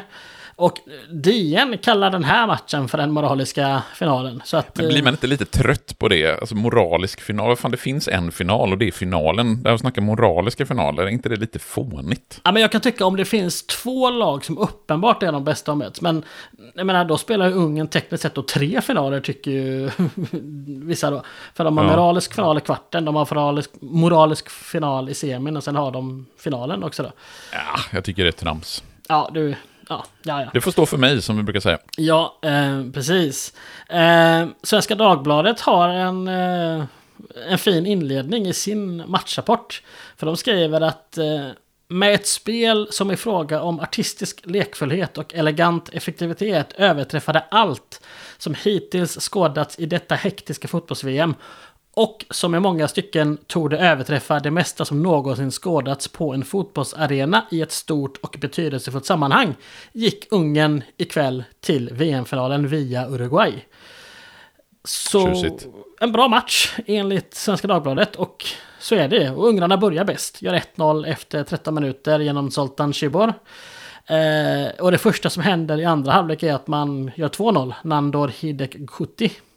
Och det ser ut som att eh, de magiska ungrarna ska gå till final. Trots att man då saknar Puskas även i den här matchen. Men Juan Håberg eh, ville annorlunda i Uruguay. Eh, han gör två mål. Första reduceringen, eller ja, reduceringen kommer med kvarten kvar. Och 2-2 gör han i minut 86. Varpå han svimmar. Jaha, Och hoppsan. ja, tas av planen. Eh, han vaknar till sen när domaren blåser för full tid. Och spelar sen förlängningen. Men eh, han spelar alltså inte sista 4-5 minuterna av ordinarie matchtid. Så kan man eh, också göra. Eh, ja. Ja, så kan det gå, så kan det gå. Ja, men i förlängningen så är det, ja, även om Håberg återhämtar sig fysiskt så är det ungrarna som återhämtar sig spelmässigt. Och Kosic, skyttekung Kosic, gör två nickmål med nio respektive fyra minuter kvar av de 30 förlängningsminuterna. Och eh, ungrarna, ungrarna går därför till sin första VM-final eh, någonsin. Samtidigt som Uruguay för första gången förlorar en VM-match. Vilket, om man sådär tittar med dagens mått mätt, så, så skulle man faktiskt inte säga att Ungern, eller att Uruguay förlorade eftersom det var oavgjort efter full tid. Nej, just det. Eh, Men ja, det kanske vi, det rättar vi ju till i, i bronsmatchen om man säger så. Mm. För då blir det Österrike-Uruguay i bronsmatch. Det är de som ska göra upp om tredje prispengen i det här världsmästerskapet. Ja, och den spelas i Zürich. Eh, och som sagt, om inte Uruguay anses ha förlorat sin första VM-match i semin, ja då gör man det här i bronsmatchen mot Österrike. Man kommer inte upp i normalklass och eh, Luis Cruz, eller Louis Cruz, är, eh, har en dålig dag kan man säga. Han drar på sig en straff som Ernst Stojarsbal gör 1-0 på. Och eh, kvarten in i andra halvlek så ger han Österrike ledningen med 2-1 genom ett eh, självmål. Eh, Juan Håberg har eh, kvitterat så att den svimmande uruguayanen har reducerat däremellan. Men med några minuter kvar sen så gör Ernst Ortschwirk 3-1 och Österrike är faktiskt en nation som har tagit en VM-medalj i fotboll. Och då, jag satt och funderade på här om jag skulle slänga in någon quizfråga i det här eh, Ja, jag avsnittet. väntar. Och, eh, alltså, jag har en, men jag tror att den är, den är lite för, för nördig och lite för väldigt specifik. Men jag tänker, jag testar Kör, den för kör. får se, se vad som händer. För vi konstaterar då att Österrike får bronsmedaljen och vi vet ju vilka lag som ska göra upp om eh, silverpengen respektive guldmedaljen. Det är Västtyskland och Ungern. Och det innebär ju att vi har tre länder som gränsar till varandra på första, andra och tredje plats. Du kan alltså resa mellan de här tre länderna utan att passera något annat Jag gillar land. inte vart det här är på väg. Och det har hänt två gånger eh, senare i VM-historien att ettan, tvåan och trean liksom gränsar till varandra. Att du kan resa mellan ettan, tvåan och trean utan att passera något annat land. Eh, jag vet inte om det här ens går att resonera sig fram. Du, du, kan, du, får, en, du får ett litet försök här och se om du kan eh, fundera. Och vi pratar alltså bara de tre medaljörerna då. Ja, bara ettan, tvåan och trean, att de tre länderna ska kunna gå och resa. Och jag tänker så här, om, om du funderar lite så, det innebär ju i princip att alla mästerskap där en, ett sydamerikanskt lag har kommit etta, två eller trea försvinner. För du har aldrig haft tre sydamerikanska lag, etta, två respektive trea. Nej, precis. Så Och det innebär ju då att det är europeiska lag vi pratar om. Det är mä- världsmästerskap där europeiska lag har mötts i finalen och där också ett europeiskt lag står som bronsmedaljör. Det, det snävar in det lite grann, det är fortfarande väldigt svårt. Ja, jag tänker, jag går från modernt. Vi hade ju, Argentina vann ju senast, så de, 2022 försvinner ju. Ja, Inte fan gränsar Frankrike och Kroatien till varandra. nej det gör de absolut inte. Och inte Det är- Belgien och Kroatien heller. Nej, Frankrike och Belgien gränsar ju till varandra, men du Ja, har precis. Italien emellan Frankrike och Kroatien. Ja, Och även Slovenien väl? just det, och nu ska jag inte fastna i att tänka att det måste vara att eh, man kör via från ettan till tvåan till trean. Det kan ju vara... Nej, nej, nej, nej, nej, utan du kan, det kan vara så ettan, trean, tvåan eller eh, tvåan, ettan, trean. Mm. Vilk, 2010 vann Spanien VM-guld. Jag tänker att det måste vara när Holland, Holland har ju förlorat tre finaler. 74, 78 och 10. Det var ju Iniestas mål. Vilka fasen kom... Må, måste jag säga vilka länder det är eller kan jag, räcker det att jag gissar på åren? Du, kan- du kan ju gissa på året så kan jag ju säga om det är rätt eller fel. Nu ska vi kolla, 2006. Det var Grande Grosso-året. Och då är det ju Zidans ut, så det är Italien, Frank, de gränsar ju. Mm. Men bronsmatcher är ju fan... Ja, bra- bronsmatcherna glömmer man ju gärna. Det är, Ja. det är inte lätt att komma ihåg. Ge mig en, ge mig en minut till så ska jag... Mm. Så för- smackar du, in- smackar du in. För jag Du, tänker- du, rör, du, du rör dig i rätt härad, här- härad nu, kan jag säga. Ja, På- för jag för på, jag på tänker- en av dem. Ja, för jag tänker sen 98 var det Frankrike, Brasilien, det går bort. 94 kom Sverige och trea, och, så det går bort. 86 och 90 var det Argentina, Tyskland i final, och så det går bort. 82 vann Italien. Vilka vann de mot? Ja, skit i det. Argentina vann 78, så den går bort. Västtyskland vann 74. Det var då Holland kom tvåa. Så det... Brasilien vann 70. Och England gränsar ju inte till... Jag antar att England inte räknas. Ja, I och med att England inte gränsar till något uh, annat Nej, land, land. alltså, så. Man kan ju åka via internationellt vatten till... Ja, nej, nej, nej. Landgräns ska vi givetvis ha. Ja, bra. Ja, Eh, land, landgräns. Mm, det, var, det skulle jag väl kanske Nej, men jag ville bara ha det klargjort. till förtydlig... Mm. Ja, mhm. Nej, men jag säger 2010. Och Alltså... Ja, alltså jag... Tyskland har ju tagit något brons här på, i, som i modern tid. Men tog de brons... Jag tänker... Nej, Spanien, Holland gränsar fan inte till varandra. Där är ju hela Frankrike i vägen. Och Frankrike... Nej, 2006 säger jag då. då måste, jag hoppas att Tyskland tog brons där 2006. Och vad blir det då? Då blir det ju alltså Italien, eh, Frankrike till Tyskland. Ja, 2006 säger jag som första. Mm. Nej, jag hoppas jag skulle få besked här. Nej, nej, du får säga båda två först och sen säga om du har rätt. Eh, Hur många rätt du har, eller om du har något rätt. Eller Ja, jag säger 74 också då. Jag vet Alltså, inte. jag är så sjukt imponerad att du sätter båda två. Det är Vilka- 74 och 2006. som Är det de det? två län- Ja, eh, ett långt, långt resonemang leder dig fram till att du sätter båda. 74 så vinner ju mycket riktigt Västtyskland mot eh, Holland i finalen. Polen kommer trea. Oh, oh, ja, där har jag Och- bara tur ju. Ja, nej men där kan du ju åka från Nederländerna via Tyskland till Polen. Ska, ska vi vara petiga där? Ja, ska vi vara petiga där så inser jag att Östtyskland kommer ju emellan. Ja. Eh, där, så 74 går ju egentligen bort nu, nu, nu när jag faktiskt tänker efter. eftersom Östtyskland ja. kommer emellan. Men 2006 har du givetvis rätt i. Tyskland, Italien, Frankrike. Ja, det är Tyskland som tar bronset där va? Mm, japp, det är Tyskland som tar bronset i sitt hemma-VM 2006. Så är det ja, just Mm. det. Då är det säkert någon annan som tar brons 2010. Ja, det- Ja, det minns jag inte.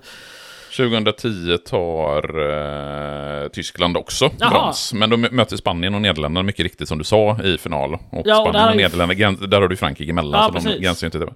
Men ska, ska, man vara, ska man vara korrekt nu eh, så blir det ju faktiskt bara 2006 som är, Ja. eh, eftersom då, eh, återigen, Östtyskland hamnar ju emellan Ja. Västtyskland och Polen. Men vi du, ska tittar- ändå, ja. du ska ju ändå ha fem av fem för ditt resonemang. Oh.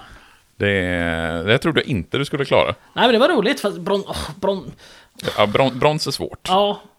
Men det var roligt. Det var roligt. Det var roligt, tycker jag. Mm, glad. det är, eh, ja, man, man blir glad när man klarar ett quiz. Så Ja. eh, katten av till dig, Gustav.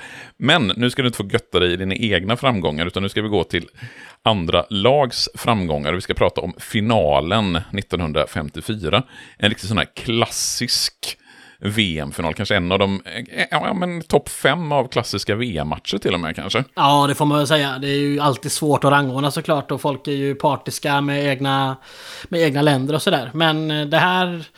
Ja, vi är ju i Bern. Vi är på legendariska Wankdorf stadion. Och eh, undret i Bern, miraklet i Bern, vilken, eh, ja, vilket man nu vill kalla det, är vad den här matchen har gått eh, till historien som. Den spelas 4 juli 1954. Och som vi pratat om egentligen genom hela avsnittet så är ju ungrarna då storfavoriter. Men varför är de, alltså hur, hur bra är Ungern här 1954 egentligen? Ja men Ungern är om man tar verkligen vad det här ordet jättebra betyder. För, om, om, Just det här ordet jättebra, vad är det liksom starkaste du kunde komma på? De är jättebra. Nej, men jag gillar någonstans det här att ta ner ord som mm. man normal, normalt sett använder lite slarvigt. Mm. Och så bara konstaterar man att ungrarna är med fan, de är jättebra. mm. Man kan säga åh, de är sjukt bra eller fantastiskt bra. Men de, ja, och det är de också. Men de är jättebra. De är liksom obesegrade de sista fem åren. De är regerande olympiska mästare och visst, de var väl typ ensamma om att vara proffsspelare där. För att de var väl tekniskt sett inte, eller så här, det är en kommunistisk stat, de gjorde lite som de ville. Mm. Um, men liksom de har spelat 31, eller om man räknar med en, en, en match som blev inofficiell mot Östtyskland så är det 32 matcher i rad eh, utan förlust. Eh, spelarna i laget, de är heltidsproffs och de eh, majoriteten av, vi kommer inte gå igenom hela trupperna för att det är fortfarande lite på den här tiden där det är lite, jag litar inte helt på källorna.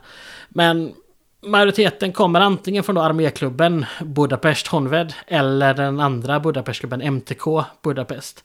Eh, man, man spelar i en sån här VM-formation, alltså en typ av 3-2-5 eh, som man har börjat evolvera lite från 2-3-5. Eh, men den är väldigt rörlig, väldigt innovativ och anfallaren går ofta ner mitt på banan och blir någon form av mittfältare och så går inrarna upp. Alltså att det är liksom... Och det är en väldigt rörlig, väldigt finurlig formation. Det ska vara väldigt kul att titta på.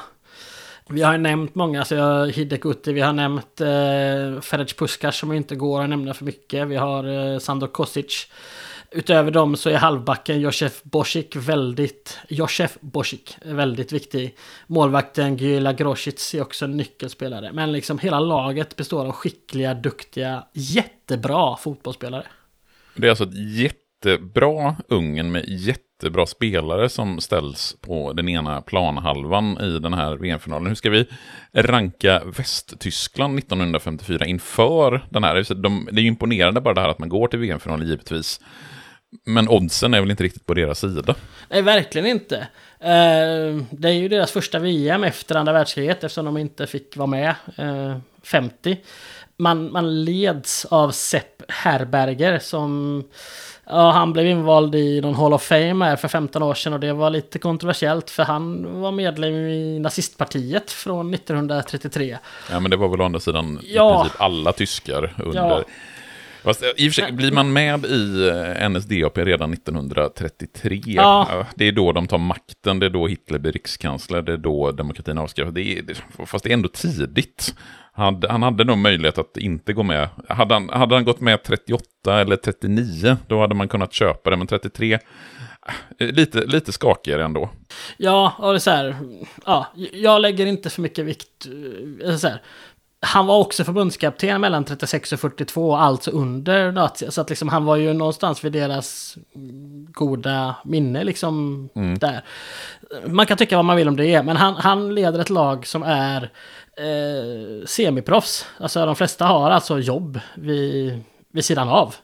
Um, och jag menar, tyska Bundesliga är fortfarande nästan tio år bort. Det är, det är mest regionserier och sen någon lång konstig väg så blir det någon tysk mästare via något playoff och sådär. Liksom. Men, men det, tysk fotboll är inte vid den här tidpunkten var den kommer bli. Och nu ska inte jag ta vatten över huvudet och säga att det här grunden läggs för liksom den tyska disciplinerade Sådär. Men det är ju också så det beskrivs, att det är ett lag som jobbar för varandra, som spelar som någon form av lagmaskin och gör saker rätt och riktigt liksom. Die Mannschaft. Ja, det är ju så här. Jag ska verkligen inte påstå att grunden läggs här, men det är väl en, en del av det i alla fall liksom. Mm. Men vi ska komma ihåg att vi har alltså ungerska heltidsproffs mot tyskar som jobbar vid sidan av sitt fotbollsspelande.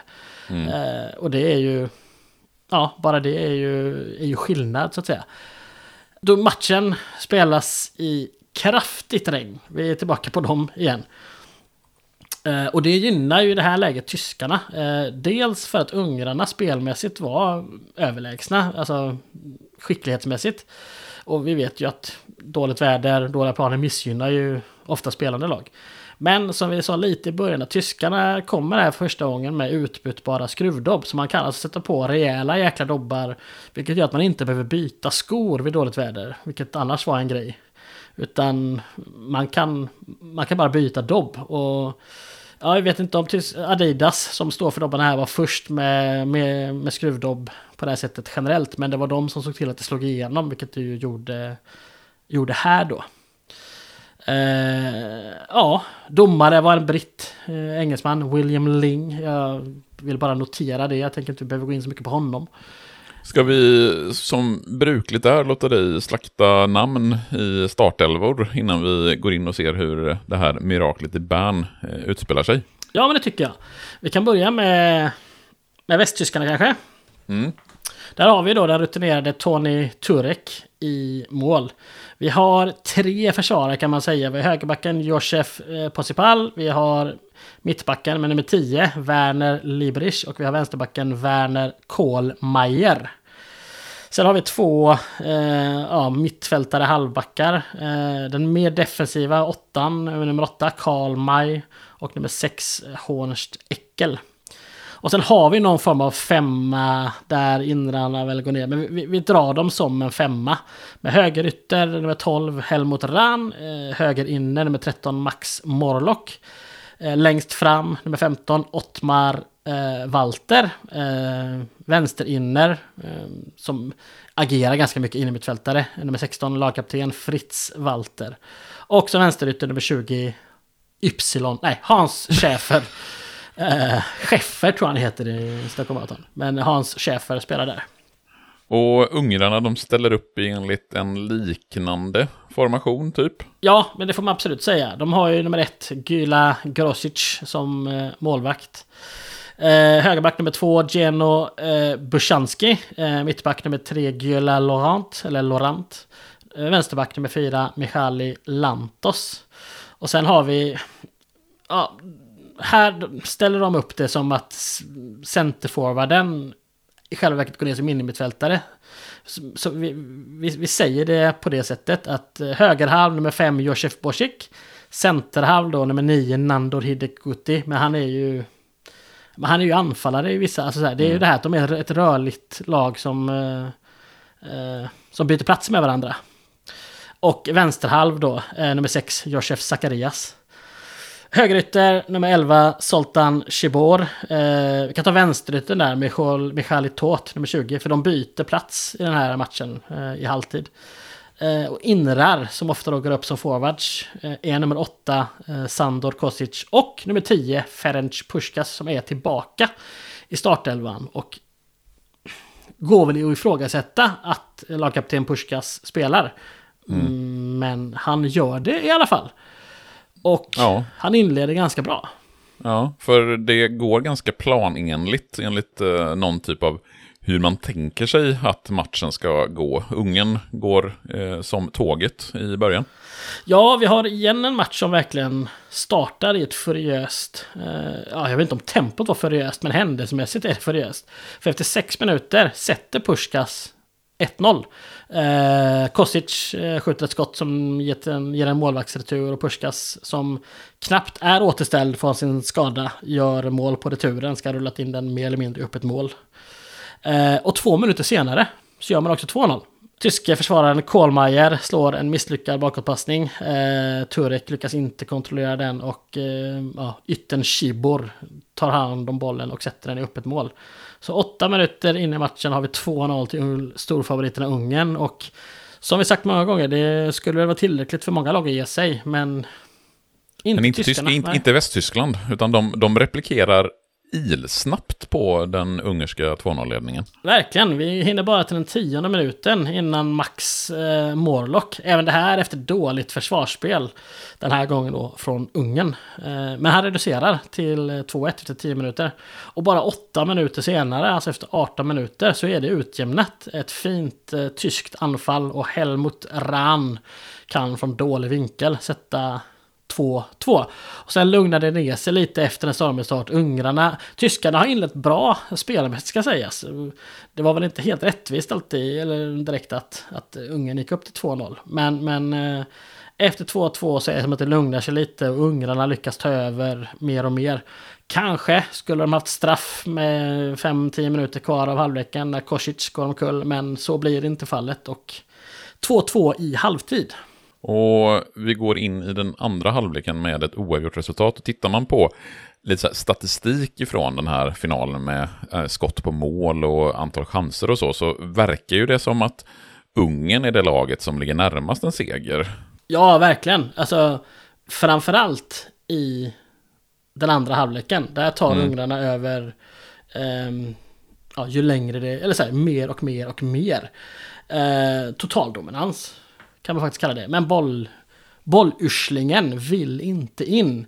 Eh, och eh, det finns en viss kritik här mot Ferenc Puskas att uh, det har kommit en del inspel där han normalt sett liksom eh, gled fram och med vänsterfoten satte bollen i mål. Men han kan inte göra det eh, nu för att hans vänsterfot är inte fullt återställd. Så Ja visst, han gjorde 1-0 tidigt, men det kanske så mycket längre än så höll inte foten, utan han blir ja, mer och mer och mer av en åskådare. Men vi kommer fram till den 84 minuten. Då slår Hans Schäfer en hög boll in i ungrarnas straffområde. Eh, Lantos rensar undan den lite för kort. Eh, till Helmut Rahn. Han fintar en passning till sin anfallare och han får två ungrare att eh, ja, ställa sig på fel fot. Tar sig in i straffområdet och med ett lågt skott sätter han 3-2 till Västtyskland. Och det är inte, vi ska inte säga att det därmed är de världsmästare. Eh, för det händer saker även de sista sex minuterna. Eh, Ungern har en boll inne, Ferenc Puskas, men han blåses rätt och riktigt och utan protester av för offside. Och med bara minuten kvar får Turek i tyska målet göra en jätteräddning. Eh, sen blåser domaren av och Västtyskland är för första gången världsmästare i fotboll. Mm. Och då är det ju ett Västtyskland som bara funnits som land i ett halvt årtionde. Uh, och det är ju verkligen, alltså den här matchen brukar verkligen beskrivas som liksom en av de stora matcherna i VM-historien. Eh, kanske framförallt för det här liksom, historiska betydelsen. Man kan ju verkligen, det, ibland är det liksom, blir lite fånigt när man försöker dra stora politiska växlar på, eh, på sporthändelser. Men, men det går ju ändå att tänka sig, Västtyskland, ett nyskapat land, det är eh, mindre än tio år sedan andra världskriget tog slut. Det är mindre än tio år sedan naziregimen, som är en av de vidrigaste regimer som världen någonsin har skådat, störtas. Och Västtyskland är ju ett land som någonstans söker en identitet. Man har ju delat upp Tyskland i ett väst och ett öst, där då Västtyskland riktar sig mot, mot Västeuropa, mot USA, mot kapitalism och så vidare. Och, och det här att man vinner ett världsmästerskap 1954, det, jag tror att det gör någonting med den västtyska identiteten. Att man på något sätt tar en plats på den internationella scenen på ett sätt som man inte hade gjort om man inte hade vunnit det här världsmästerskapet.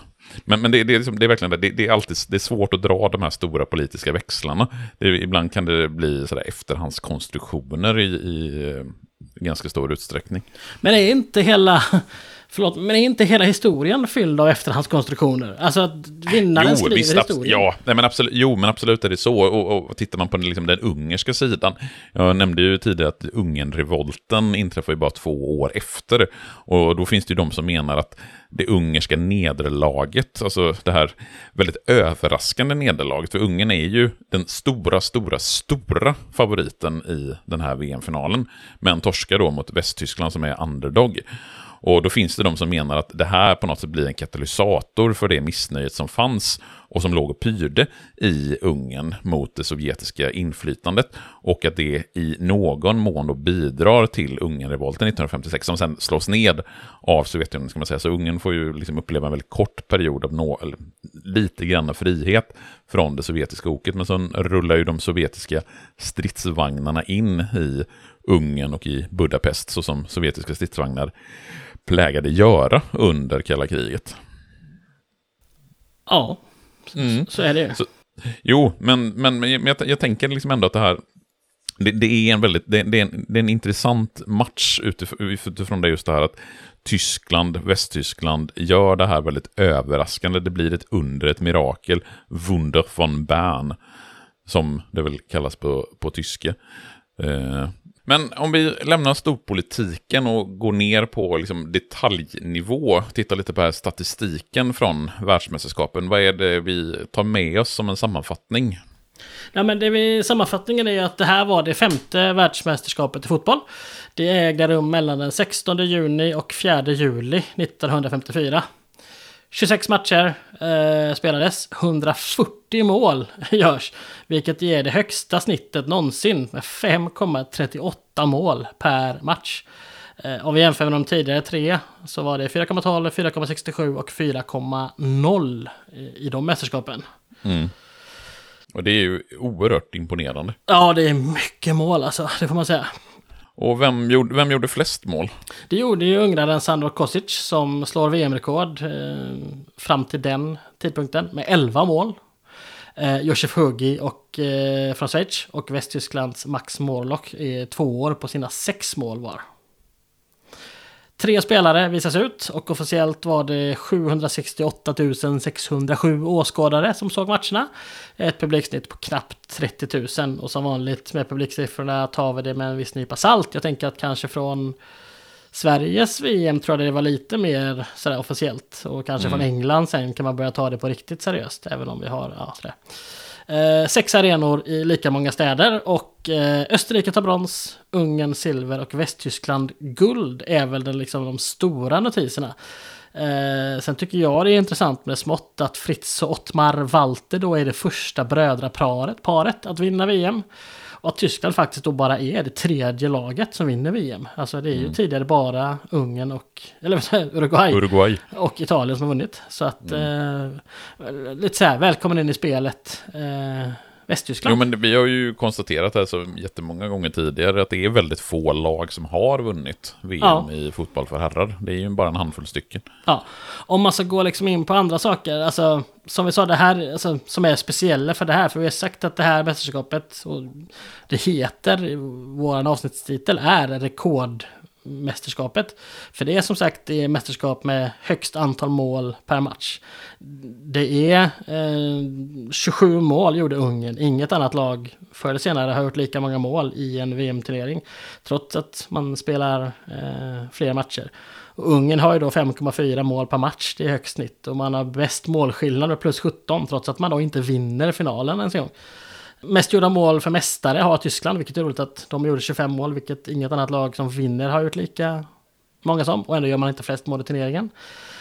Uh, man har, vi går också ner på andra sidan så har vi Sydkorea som trots att de bara spelat två matcher uh, väl är det lag som släppt in flest mål i ett VM någonsin. Mm. Uh, ja, det, det har också någonting.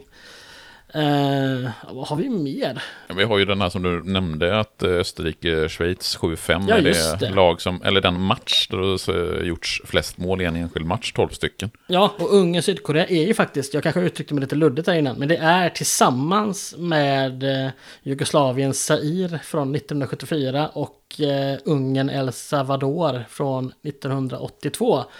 Uh, som blev 9-0 och 10-1. Men det är de tre matcherna som har vunnits med störst seger mm. marginal. Ja, någonstans där tycker jag att uh, det finns fler rekord. Men jag tänker att efter knappt två timmar nu så, så kan vi kanske nöja oss. Ja, och vi tar det här rekordmästerskapet 1954 som spelas i, spelas i Schweiz i mål.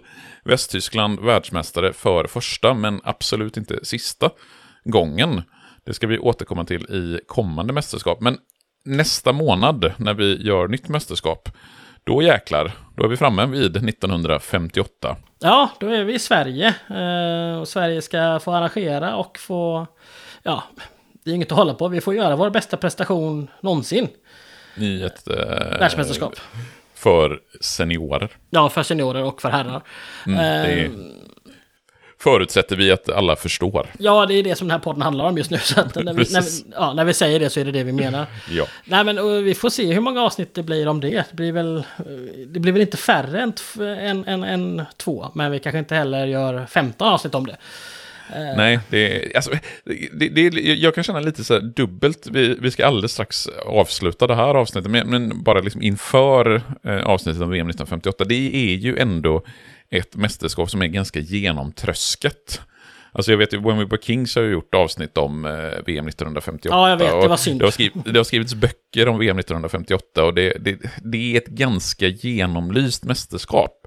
Så frågan är om vi verkligen att, om, om vi ska göra så jäkla mycket mer än vad vi brukar göra. Det tror inte det, utan jag tänker vi behandlar VM 1958 som egentligen vilket mästerskap som helst. Som, Ja. eh, som 54 eller som 50 eller 38. Ja, det jag tänker är att det, ur vårt perspektiv så finns det ju ännu mer skrivet om det med källor och sådär. Eftersom att eh, det ändå sker i Sverige. Eh, Jag insåg att vi nog i förra avsnittet faktiskt glömde att nämna att Pelé ju har gått bort under tiden som vi gör det här. Eh, Och det är ju någonstans, alltså synd. Alltså, inte för att vi skulle kunna få tag på honom på något sätt. Men det hade varit kul att prata om honom som en levande person här i, i åtminstone något, eh, något mästerskapspoddavsnitt tycker jag. Men han dog, ju, dog ju här strax före, före nyår. Vårt andra avsnitt av 50 hade vi redan spelat in då. Och sen glömde jag det helt när vi spelade in mästerskapet, eh, eller kvalet till det här då liksom. Men eh, ja, både Maradona och Pelé nu, två av EM-historiens stora giganter, är ju, har ju gått ur tiden så att säga. Så är det, men eh, inte desto mindre så ska vi göra ett avsnitt om ett eller flera avsnitt kommer det väl bli två Ja. förmodligen. Två förmodligen. Om VM 1958, men det får ni vänta en månad eh, för att få lyssna på. Om man ändå inte kan få nog av Mästerskapspodden, finns det några andra ställen man kan följa oss? Ja, eh, patreon.com snedstreck masterskapspodden. Eh, där har vi diverse extra avsnitt. Eh, och eh, Instagram. Eh, jag försöker bli mer aktiv på att lägga ut lite eh, roliga gamla bilder och så småningom här när det dyker upp rörligt mer lite klipp. Eh, Så att följ oss gärna på Instagram, där heter vi Mästerskapspodden. Vi har också Twitter, Masterskap eller Mästerskapspodden. Men det är Instagram som vi är mer aktiva på. Yes, men med det tycker jag att vi knyter ihop säcken och säger tack för att ni har lyssnat så hörs vi igen om en månad. Det gör vi. Hej då! Hej!